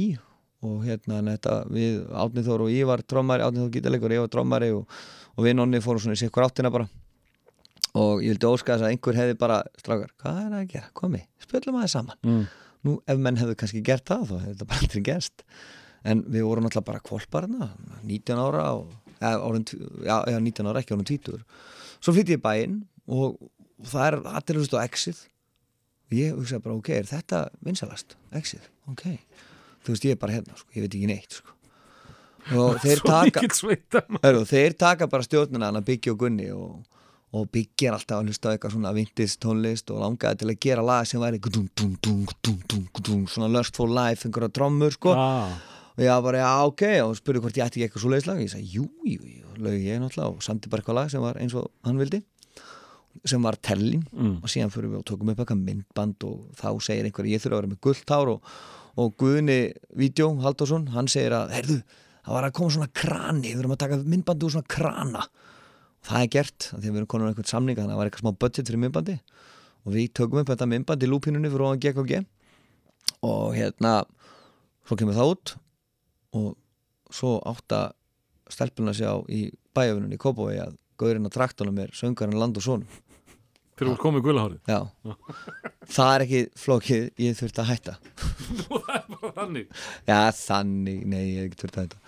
En hérna, ég, ég, ég mikla sögunótt fyrir mér þannig. Hmm. en, hérna, en þetta var samt orðið þannig að það var alveg ágætt að gera á hljónstinni og, og hérna, og við vorum fættin að spila og það var eitthvað fólk farið að mæta. Og, og svo svona já, þú veist, þarna er þetta orðið bara þannig. Og, og ég er farin að kynnast fólkinu á Bylgjunni og FM og var ástöð og maður fær að vera tíðari gestur og, og það er mikið hringt og beðið um lögin og við erum greiðlega með mikið follow og, og hérna og það bara gerist þetta eins og, eins og bara, eins hefur gerst að bandi verður bara mjög vinsalt og svo óks okkur bara á smegin í rauninni og hérna og ég gætt flutt úr herbygginu í, í fyrirgrundinni í hérna í, í íbúð hjá Jóni Gísla Harðarsinni vinni mínum í bregðaltinu, í Arahólunum mm. Hún er big man og kefti mér Honda Civic Það er ekkert annað Yes. Ég held að hann væri sér vaf, hann var það ekki Ég var ógeðslega svektur, hann var bara 1400 e, e, Hvað hérna, af hverju koma þeir koma úr uh, vinnu sem blóma, eða ekki? Jú. Uh, sem að þú taldir vera bara aftaka sálarinn Já, já, ég var alveg gífulega hissa á því að þetta bandi skildi springa Eða ekki, hverju... sprakk ekkert svo sem við bara hættu Af hverju komið þetta þín? Um, Þetta er bara í gegnum sammeilafinn Títnumdan Kjela sem var rótir á sálinni. Hann bara Hann var alltaf að róta þetta, hann var vel tengdur sko. Þekkti, þekkti menn í bransanum sko. Hann er svona þunga miðan í þessari söguðinni Já, já, já, já, já, já. Og hérna og æ, hann var bara, þú veist, búin að vera með hinum og þessum, en hann fekk alla örfast til að spila hljómbor sólói í áhugjulus hann fekk Jens Hansson til að syngja, nei, spila sólói í vöðastaltur, mm. eða þú veist saxofónlínuna Já, og hérna, þú veist, ný komin hann með þeim að einhverjum túr, sko. Þannig að hann tengdi okkur saman og Njalli vildi ekki koma í bandið með þeim. Og hann að Dísela Lárusdóttir var hljómbúsleikari í, í, í Land og Son? Landósunum spilaði með okkur á hljómborð og, og, og trompet og söng með. Nú, þannig að við vorum með rándýra óperusöngunum í bandinu hana í hálft ár. En síðan svona fórum við að taka upp og, og henni vantaði bara tjóps þú veist á hljómborðið svona til þess að gera svona það sem við vorum að leitað. Mm. og enda var þetta líka bara þetta var ógeðslega gaman æðislega redding og allt þetta en, en hún var klárlega ekki á þessari slóð og ekki við heldur með henni. Mm. og enda hún geggjaðan feril í dag sem söngkona og er frábær og indislega manneskja.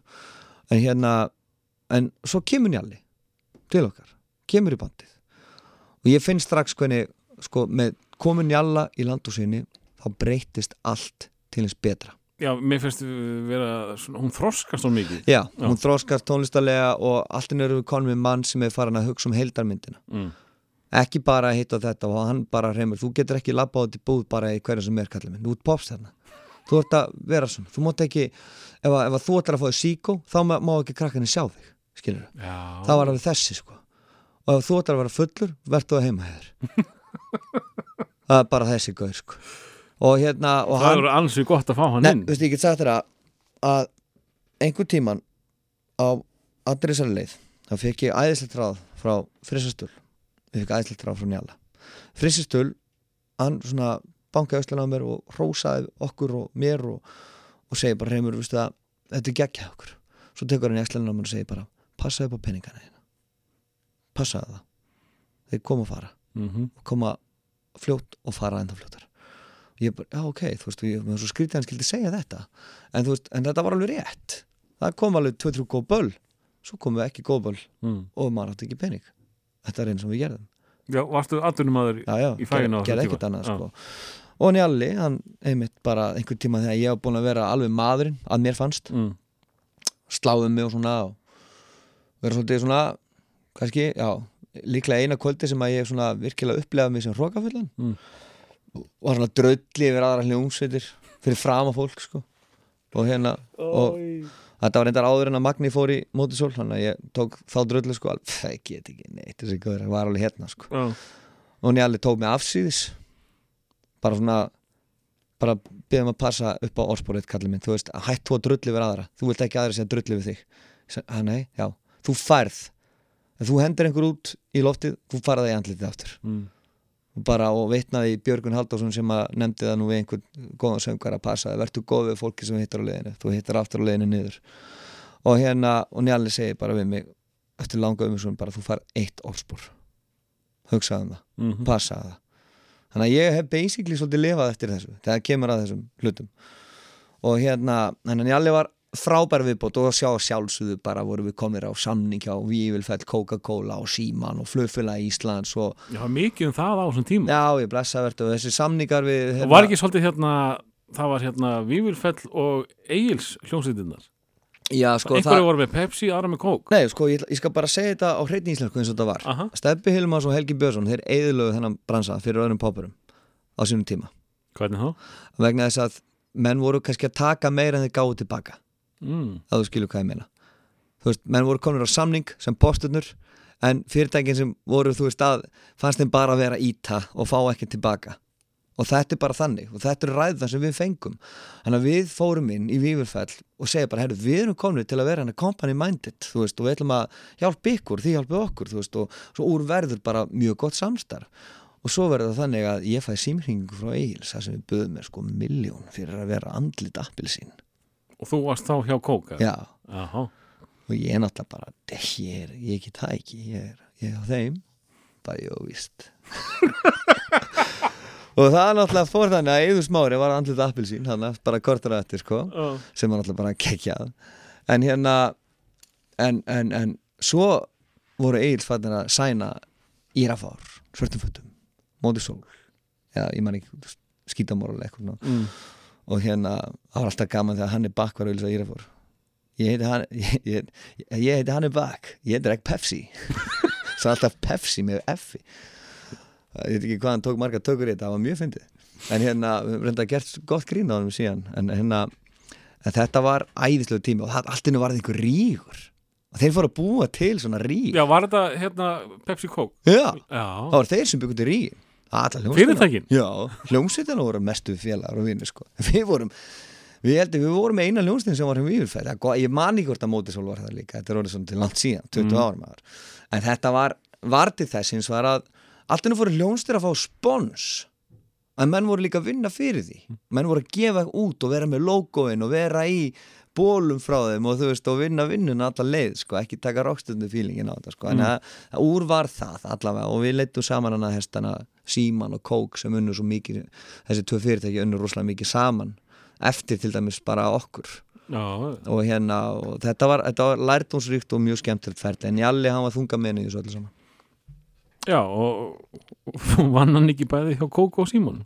vill svo skemmtilega til að hann náða að tauta sér inn í bæði fyrirtækin sko, ég veit nú ekki hvað kannski var hann, var beggja með einn borsin sko, við vitum ekki, á, Já, við hann vitum ekki ákvönd hallaði sko Nei, nei. í, umræðunum, eða viðræðunum en, en, en, en við, við gerðum gott mót með báðum Já, já, ég, ég, ég þekkti hann ágætlega sjálfur og þetta voru ansi, ansi klár strákur alla, í alla staði.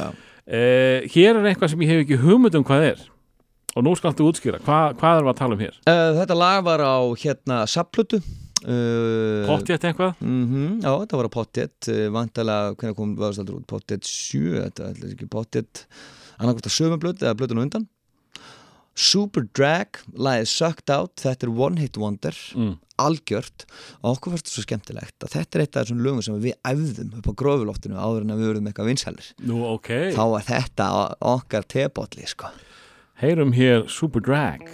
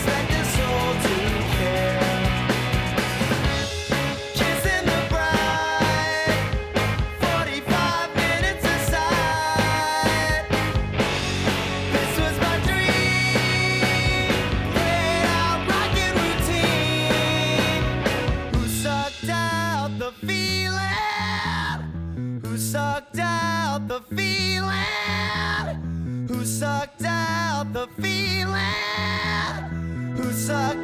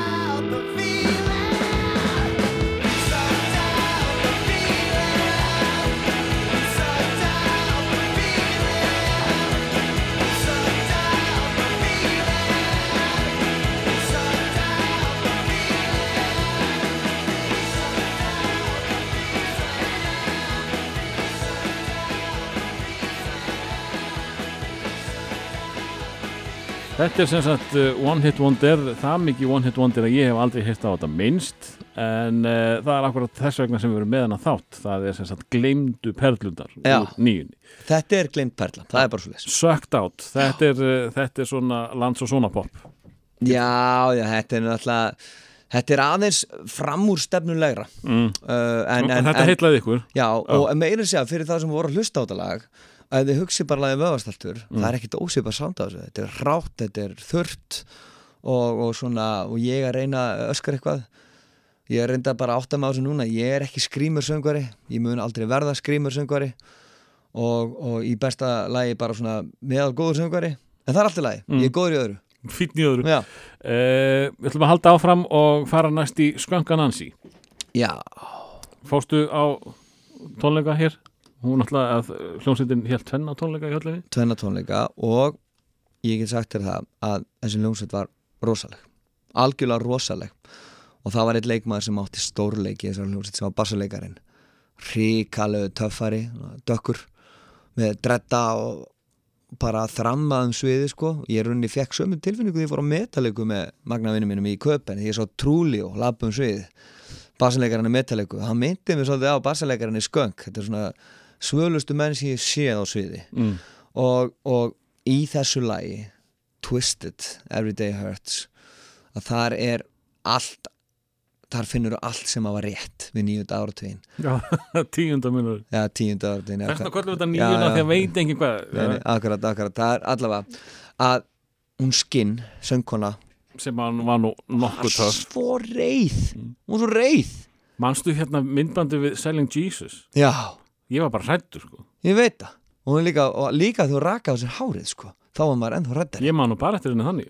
Var, Varum með hár? Já, já, Já, Og Ég sá hérna, það svo fyndi ég sá Skönkan Ansi fyrst bara á stöðu 2, þau voru ekkert honum vinsalir á stöðu 2 að sína ykkur þátt og eitthvað bara svona nettan top of the pops þátt, bara einhver spjall þátt og hérna, takk fyrir þáttinn og hér kemur ný framsýtt sem heitir Skönkan Ansi og hún var með hár. Já, og það fyrsta sem ég heyrði með skankunansi var þegar þau rýmugsuðu hérna Army of Me með Björk, Björk. Það er geggjuð útgáð já, ég hef ekki heyrt hana Það og, er bara öskrandi rock sko. Og finnst þú ert að segja þetta núna þetta er það sem ég er að fara að gera eftir. Ég fer á Spotify og ég finn þetta. það er bara svoleiðis.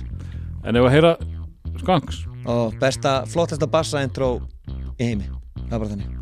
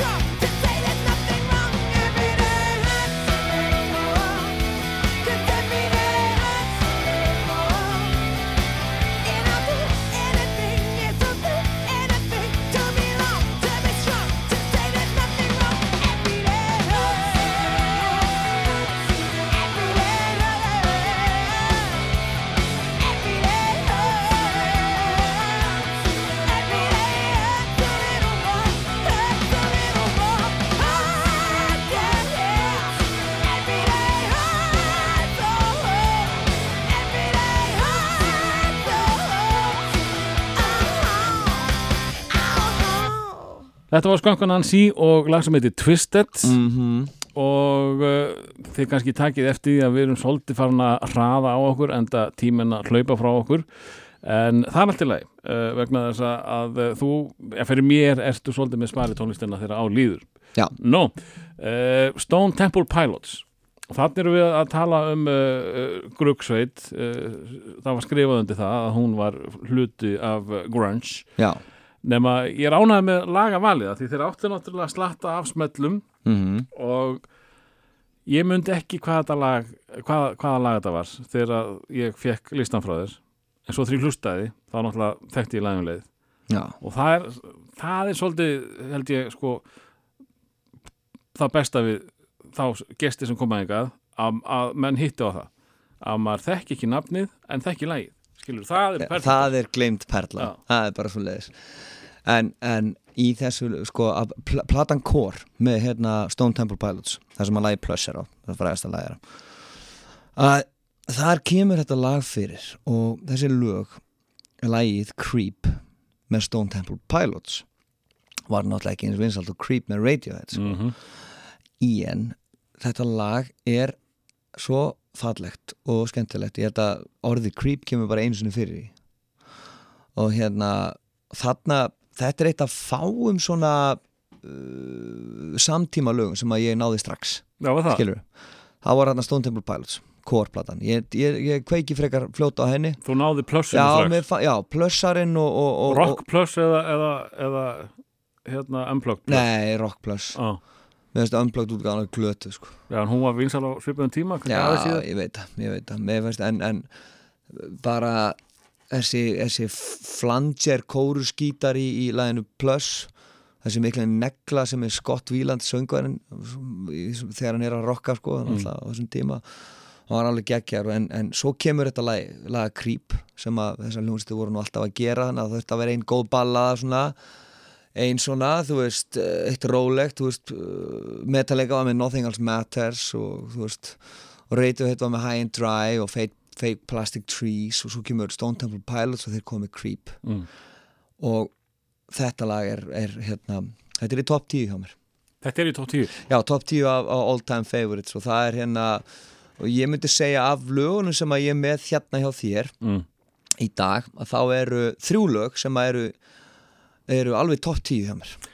Þess má geta að þetta var ekki á listanum. Nei, þetta var ekki á listanum vegna þess að ég var svo spenntur og æstur að gera listan að ég setti high and dry og þá sendi þú, þetta er nú ekki gleym berlar hérna Það minn. heyrist full oft Já, sko. heyrist, og það er alveg rétt. Og þá náttúrulega bara hugsaði ég bara, já, hvað er já, já, og þú veist, og þá þá leita ég þetta. Og náttúrulega plus er ekki gleym nei. en þetta er gleym perla Þetta er creep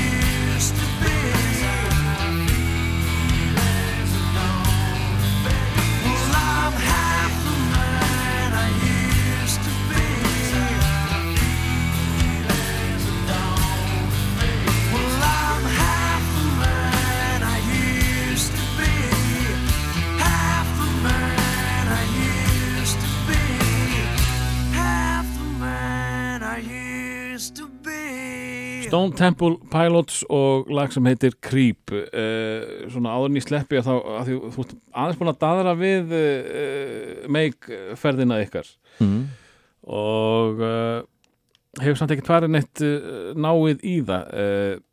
Þetta er hvenar upp úr 2000 sem að þið, Já, um, sem sagt það kemur út herbyggi 313 Já, og uh, hún fara að malla í hvað ár áður en að, að útlönd þegar af þessu eða hvað? Við erum að sko, núna að því þetta er svo langt síðan þetta er það eru á, 17 18 ár síðan ég held að ég fari ekki rámt með tíman í þessu því ég segja að þetta sé 2000 mm. í april 2000 þegar að við kynnumst Jive Jones. Og hvern, hvernig gerist þetta? Þið eru bara að gera ykkur klára fyrir sveitaball uh, njálsbúð í kvöld og eitthvað svo leis og það er bankað á okkur, herðu I like your stuff, man Já, sko, enn og aftur er Njalli miðjan í þessu.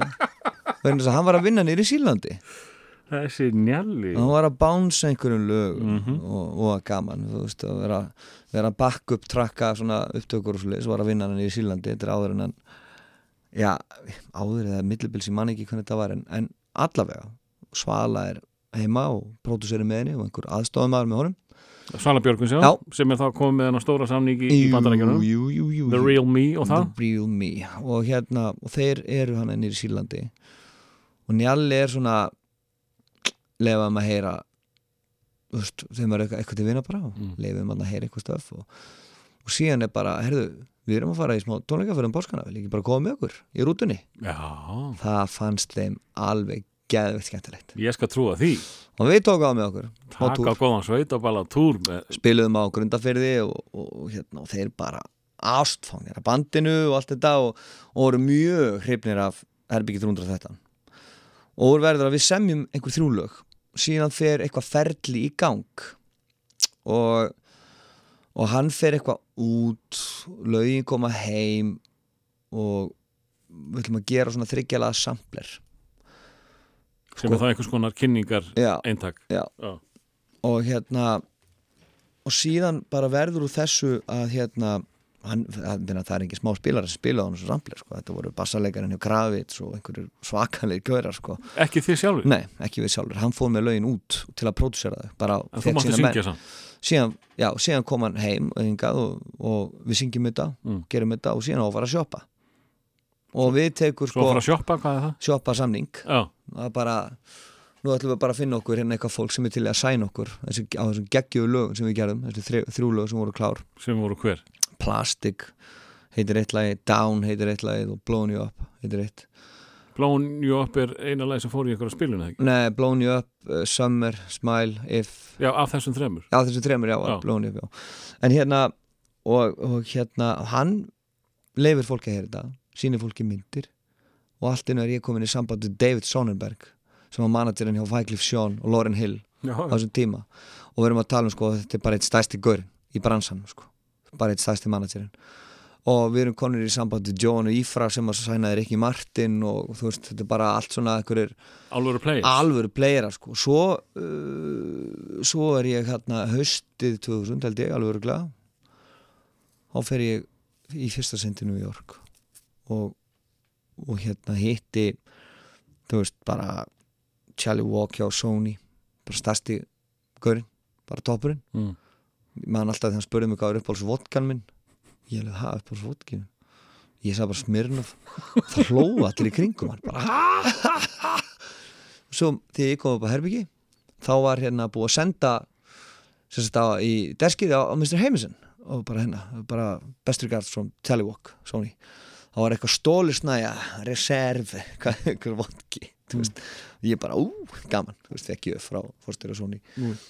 en þú veist, ég er náttúrulega bara veist, verða viðkjöna ég er sko á þessum tíma menna, veist, ég hef allatíð verið frekar bara svona blátt áfram. Mm. og ég, veist, ég er ekkit að ég pæla ekkit á mikið hlutunum. Það er auðvitað að plata mig það er auðvitað að ljúa mér og gera gríni mér og selja mér svona hinn og þessar hugmyndir. En þú veist, ég er bara gengkreinti vers. Ég teki spaðanum mönnum, knúsa menn og, og svo er ég til í bara hitt og þetta og það var að sama. Og það var öllum sem fannst þetta frekar óþægilegt. Öllum sem stóru köllum. Að þú væri þannig? já, að ég væri ekki svona intimidated sko, þú veist, og mönnum fannst þetta skrítið. En það var allir búið hrifnir að sveita dörgnum frá Íslandi, sko, fannst þetta svolítið skemmtilegt sko, ég bara með gítarinn á bakinu með óklið sólglerum sem ég kefti í lestu og, og þú veist, bara til í tuskið maður. Spilaði hérna fyrir einhvern klæf fjá hérna Jive Records sem var nýbúin að sæna sko Britney og Justin sko, þú veist og allt þetta lið þarna og, og liðið sem ég hitti þetta er lið sem að sko flest allir í tónlistabransunum myndu bara högga sér hægra hendina fyrir að fá að vera í sama herbyggi sko. Mm. en úr var náttúrulega að það var verið að berjast um bandið og Var endaði, slegist um já, það var slegist um bandið Nú. og það endaði þannig að við gerum samning við London Shire sem er undir fyrirtæki Warner Mm. og við fengum 350.000 dollara til að gera fyrstu blöðuna Dollarin er eins í dag og hann var þá. Þannig að þetta var dágóð uppæð Já, það var svolítið góð upphæð. Þetta er stærsti samningur sem Ísland hljómsveit hefur gert fyrsta Ísland, bara sem fyrsti samningur. Ég er nokkuð við sem að við vorum með stærri samningin Kalli og með. En þetta var líka, menn höfðu brjálæslega trú á bandinu. Og hérna og hún sendi, hún kom til Ísland sá okkur live og hún var bara, wow, við erum að fara að sigra heiminn. En, en, en sko, þið eru sendið, sendir í, í eh, sko, eh, tónlistabúðir semja nýtt stöf. Já, hafandi heyrt herbergið og það sem hafa gert áður. Já, kom alls til greina, herðu, við skulum bara taka þetta aftur upp, remixa, ble það var nefnilega málið. Það var það sem að koma okkur mest á óvart við þetta allt saman, er það að þegar við erum teknis og inn, að þá erum við bara settir í svona versmiðu mm. sem er bara gítar, gítar, gítar, gítar, gítar. Og, og vera eins og allir sinni og bara Fighters og bara elda tíðarandan mm. Sem er svo sem alveg point þú veist, að sjálfsögðu þú veist, En þeir fjallu fyrir hínu, eða ekki? Þeir vissu ekkert hvort að þið kunnu, kynnuð að gera háskólar á nákvæmlega þetta, þetta verður all, mun allar tíð verða svona uh, svolítið skrítin svona þú veist, spurning sem að verður aldrei svarað sko, Mm. rótorisk, við rauninni saga á lands og svona er rauninni ótrúlega saga af óhefni Hefni í leiðinni hefni, já sjálfsögðu þú veist, en þú veist já, ok, ekki óhefni en næstum því. Mm. skilur, næstum því er, er allt vegna þess að við vorum með, þú veist, fimmplötu samning. Fimm plötu samning? Já. Næsta plata, þú veist, það var meiri, meiri monsi meiri monsi vídeo, þú veist konur í næst í 500.000 dollara. Og, og alltaf fram til göttunum já, hann er samning heima, hann er í mo- möppunni. Þetta er bara, þetta er, æði, þetta er alveg galið að, að flett upp á þessu og skoða þetta. En, en byrju, sko, þið hérna það, það er eitthvað barist um ykkur. Þið Já. skrifuð undir mm -hmm. uh, og, og, og hvað gerist svo? Þið, Það þið gerið eina plötu. Það sem gerist er það, við erum að við förum hérna uh, Þorrablót sísonið 2001 þá förum við að spila á Þorrablót Íslendinga í Flórida gegnum Jón Gerald Söllenberger mm. fórum þess að fórum þess að hérna, siglingu á skútunni frægu The Viking. Með þess að ég held að, ríkiskastur þannig að fengi, fengi myndbandið hjá okkur. Í öllu þessu máli, þetta var mjög fyndið. En allavega, við förum í þetta uh, og síðan var planið að förum að spila fyrir Jón Gerald og síðan förum við út til New York og hittum alla og það var, var það að við förum til New York og erum að hitta þetta touring managing fyrirtæki sem að það við áttum bara eftir að semja við einhverja og þeim leys svo hrikalega vel á okkur strákana búin að heyra live upptökur og, og allan þann pakkan að bara, jú, herru, þeir þurfu bara að koma og við þurfum að smelja ykkur túr. Og síðan bara líður og býður og, og, og, það er svona þras með skífunni og, til að svona klára allt sko. Steinaberg var ekki beint að, auðvitað hlutina fyrir okkur á sínum tíma sko og hérna menn svona bara, þú veist sáu bara hversu virði þetta var orðið allir vildu syn- skerf allir vildu smá hluta af kökunni Mhm. sem var bara eðlilega en allt í lagi, menna, það, það, svo kom þessi gæla til Íslands og hjóðan hútin og, og, og við förum út og, og svo erum við hann eitthvað fram og tilbaka og svo bara 11. september hann fræga 9-11 þá erum við að borða lækjabrekku strákanir er að segja bless við mig og David sem var nýjum managerinn okkar þegar við vorum að fara til bandarækjana til þess basically að fara að velja íbúð til að veri í. New York þá Já, einhver staðar í útkværum eða svona í svona innan hverfi eða svona fræga svona, er í þáttunum og myndunum það er svona loft sem allir listamennir svona Mhm. og ég var basically bara að fara að velja eitthvað svoleiðis. Og hérna og, og, og, við erum að fara tíu okkur út á flugvöll. Og það er að Addi áttandur ringir úr stúdíun og segir bara "Heyrðu, þið eru ekki að fara neitt. Komið inn í stúdíu strax. Og við förum inn í stúdíu og horfum á setni fluguluna fljúin í törnin og gleymið svo sem aldrei ég veit ekki hvort er sko eftirminnilegra að horfa á það í sjónalpinu eða að horfa á svipin á mannatsinum okkar. Þannig að þess að hann var hann var með ykkur? Já, hann bara lokaði sín á Grand Hotel í viku og, og talaði ekki við neitt þetta var svakalegt sko. En eftir þetta þá breytist náttúrulega bara öll heimsmyndin sko. Og hún hefði alltaf breytist hvort það er meina, hvort sem ég hef verið komin út eða ekki. Að það, að þessi við, atbyrðu hefur svo sem alltaf gest en hérna en þú veist eftir áhyggja ég er ekki vissum að bandi hefði lifað af mánuð hann úti. Akkur. ég held bara að bandi var komið á þólmörk að því að við vorum búin að vera saman upp á hvert einasta dag síðan 98 En þetta er svo nýtt þetta er, þetta Mm. er alveg nýtt umhverfi og uh, já, allt annað challenge Já, en þetta er svona tilfinning sem að ég hef verið fjekk Mm. svona eftir á að higgja tilfinningin sko. Mér finnst líka, ég, mér heyrist á þér eins og uh, plötu fyrirtækin eða, eða þetta fólk þitt að núti hafi svolítið mikið verið að tala við þig ekki bandið. Já, og svo er það náttúrulega frægur fundur sem að sem átti sér stað áður en að, að bandið kom og sænaði þegar að ég var einn á fundi með manaternum og Eið og Steinari Berg í skífunni þar sem að þeir spurðu útgáfyrirtækið hefur bara áhuga á þér Já. en ekki bandinu. Þannig ég gat, ég fekk tækifæri að selja strákana bara burtu, gat farið út og bara en þú veist, ég náttúrulega með mína samvinsku og þetta var aldrei option, ég bara, ég var svona neykslar að mér skildi að hafa verið bóðið þetta sko og ég bara, nei, ég er ekki að fara að henda bræðrumunum undir rútuna sko, það kom ekki til greina En er þetta ekki svolítið bara vaninn til þess að, sko, spara pening? Uh, jú, Söngarinn getur uh, samið, Já. þá eru hinnir óþarfir. það var akkurat það sem vakti fyrir þeim sko, að fá eina bara sterkan singer songrættur út og við erum með þúsund gauðin svo þá og þú veist, en það var náttúrulega bara aldrei aldrei séns, ekki mínum huga sko. En, en sko, uh, það er eitt að, uh, hérna, fá fínan pening fyrir fyrstu plötu, þeir eru búinir að gera hana, uh, mögulegi á einhvernum fimm plötum, en hvernig geta þið bara, nei, þetta er búið, bless, fáið þið ekki eitthvað, uh, sko, fáið þið ekki eitthvað bætur fyrir, Nei, við meiri segja sko þurftum að uh, ganga ansi langt til þess að fá að eiga plötuna, til að fá trökkinu okkar aftur, að þeir eru borguði fyrir hana það er þeir sem leggjum peningin mm. og þeir geta sagt stopp. Þetta er allir samningar svona eru basically, þú gerir ekki beint ja, þú, þú gerir ekki beint svona fimm ára samning, heldur er þetta option.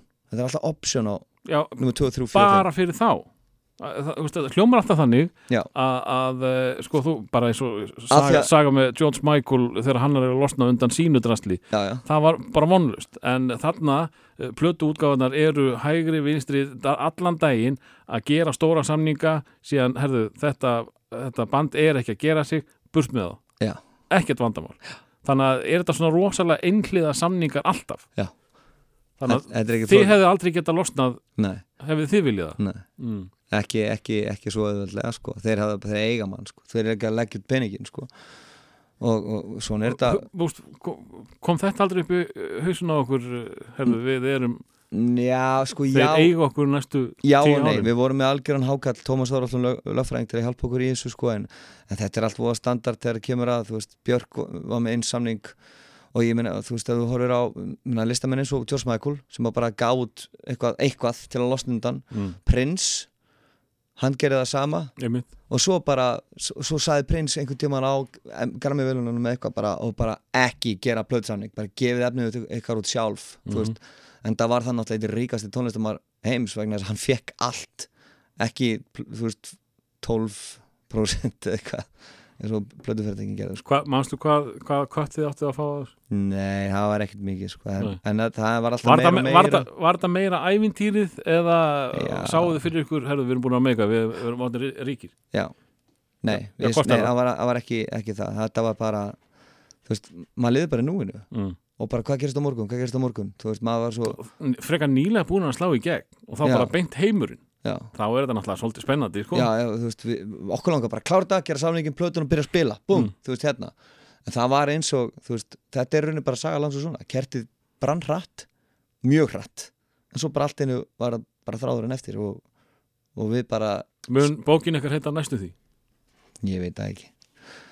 Ég ætla ekki eins og að gefa þessa bók. En það var sorglegt að við skildum ekki ná einu tónleikum með viðbót með Njalla. Mm. en ég er ekki búin að gefa upp á bátina að við, við kannski teljum í eitt í viðbót. En, en uh, eins og ég segi sko, þú veist við, þessi saga er samt svolítið þannig sko, það er, þetta er næstum því og, og mér finnst ekkert klárað eða svona eh, eitthvað eftir að klára fattur þú?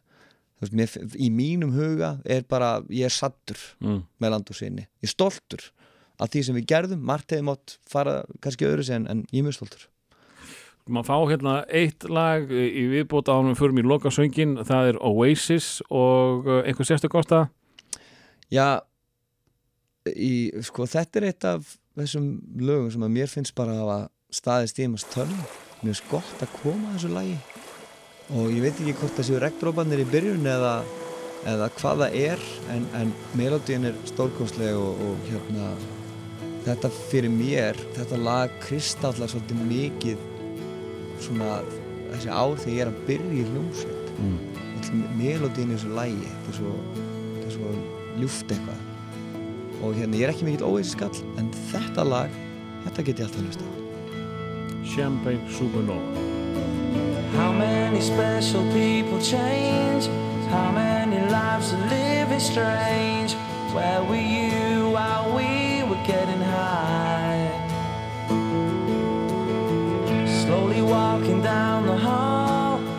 faster than a cannonball. Where were you while we were getting high? Someday you will find me caught beneath the landslide in a champagne supernova in the sky. Someday you will find me caught beneath the landslide in a champagne champagne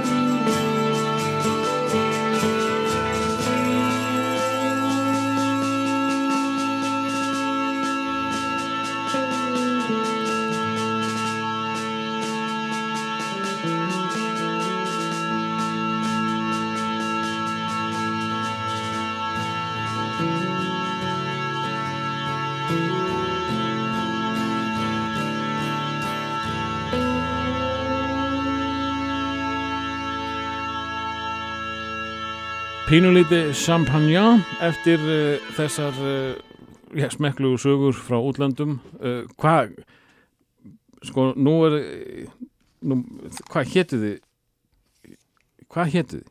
Sma, sm, nei, það, það, það var hérna það var ekki veistu, það, það var ekki komið nafn.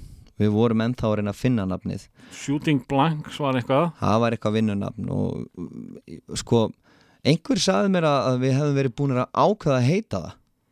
Og, og, og segir það að hafa komið frá mér. Það getur vel verið ég ætla ekki að segja nei.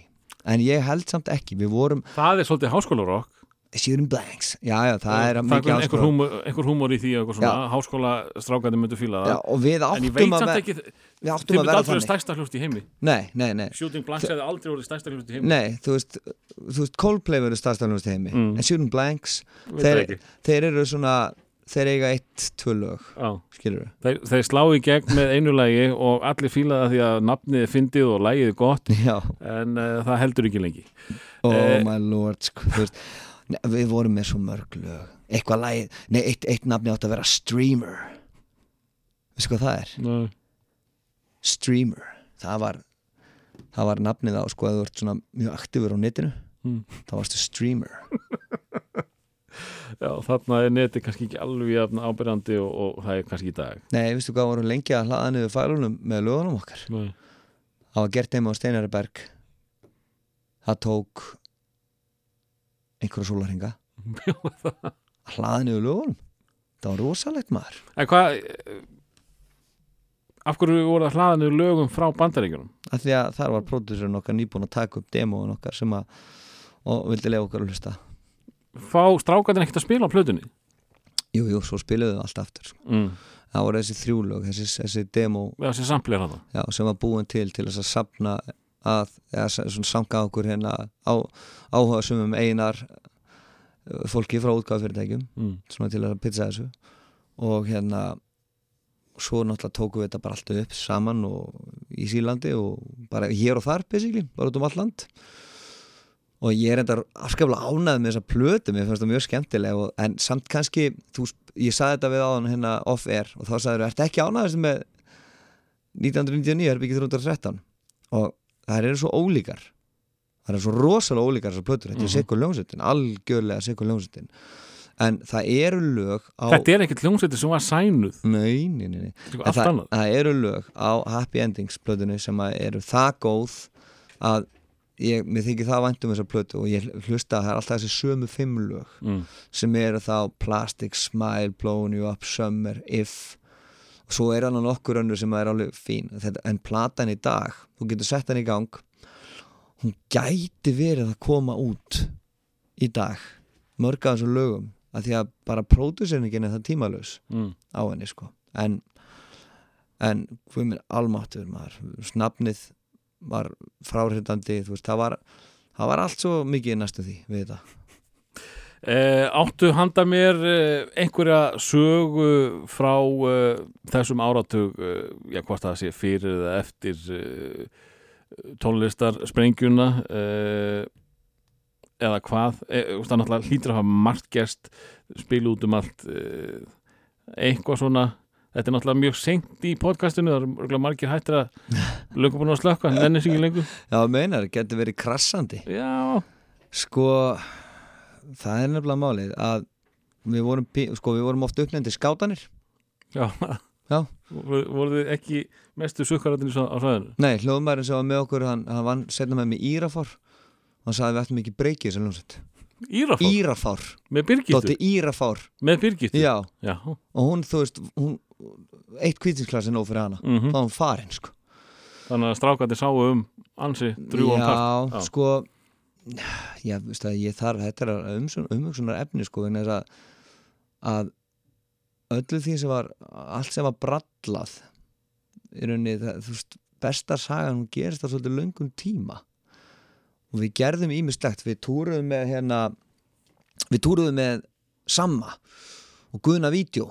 Við vorum með vídeosjó með okkur. Já, já, vorum alveg svakalega grand á þessu alveg þvílíkt professional og lotir en við tókum upp alltaf einhverjar stuttmyndir. Og og hérna einu sinni vorum búin að gera stuttmynd sem heit Norfolk ekki Southfork, Norfolk Mm. og Southfork var náttúrulega bærin í Dallas. En Norfolk var svona afskræming uh, og gerist út í Danmörku. Og hérna þetta var eigandi Húpa Búba veldisins sem að hérna var svona, þetta var mikið svona mikið mafja og, og við sáum fyrir okkur þetta væri tyggjaframlegandi og hérna tókum upp þessa mynd og hún var sínd þessi mynd og við erum nýbúinir að finna hann aftur. Og hérna og ætlum okkur að reyna að koma inn aftur í stand. En við gerðum erotíska stuttmynd líka. Sem heit Gurri Já, og í þessari mynd leik ég konuna. Og nonni leikur kallinn. Og hún gerist í Danmörku líka og hérna áttu ekki verið að taka upp plötu eða eitthvað? jú, jú, jú. Njalli og Atti voru bara í því. Við vorum, við vorum að hafa gaman. Og hvað það sem gerist er að ég leik konuna og það er einhver kall upp í líka. Og þá kemur hérna kemur hann Gu- Gunni gítarleikarinn opnar hurðina og segir Gurri það er eina sem er sagt sko í myndinni Gurri og þá sný ég mig með hálfkvöldu og þá akkurat sprautar hérna á- með sjampóbrúsa á baki á mér. Hérna einhver eh, sem var í eh, hliðanna og það var eina sem síndi sko, þetta var eru til stöðmynd þannig að það sást svo sem ekkert sko. Mm. en það var eina sem var sagt. Það var gurri og ég sko þessi mynd er til einhver staðar og það veldur mig miklum áhyggjum. Ég veit ekki hvar hún er. Ég held að Gunni sé með hana. Og hérna ég bara þú veist, byrð til aðra máttavalda að enginn muni sjá hana. En, en, en Já, Þú skalt ekki fara í pólitík þá, þá kemur hún. Ég er alltaf búin að segja, hún er til, ég gerði þetta ég, ég eigna mér það. Mm.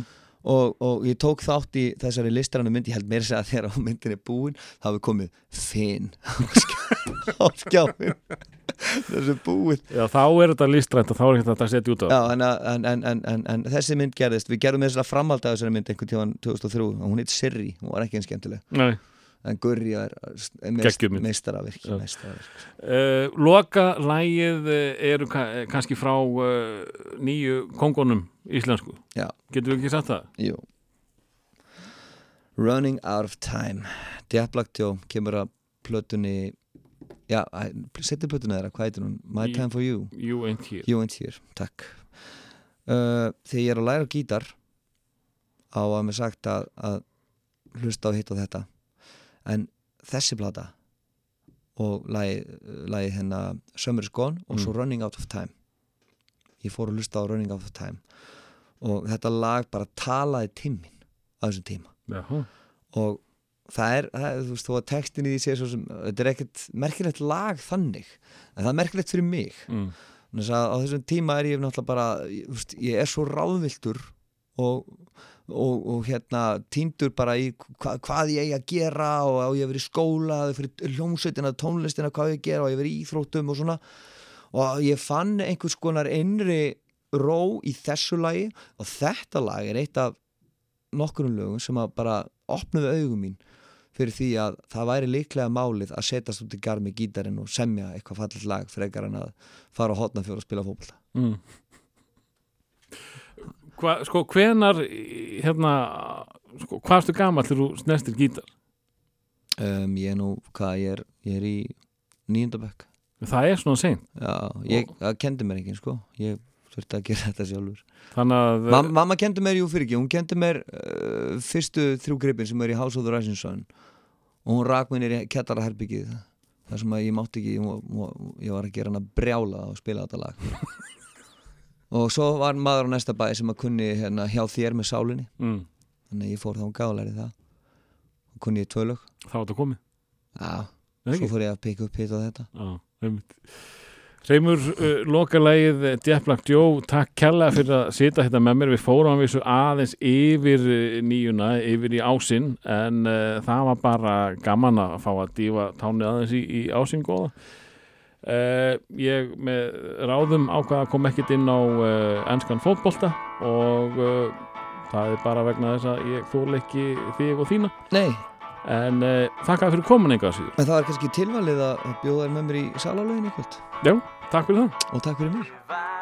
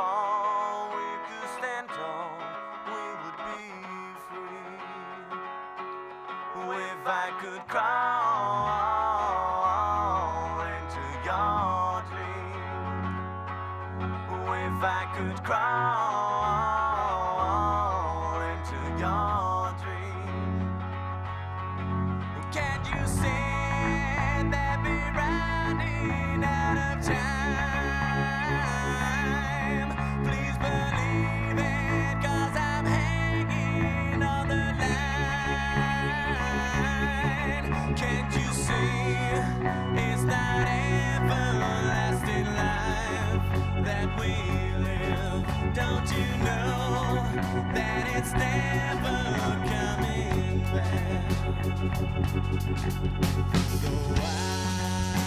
go on,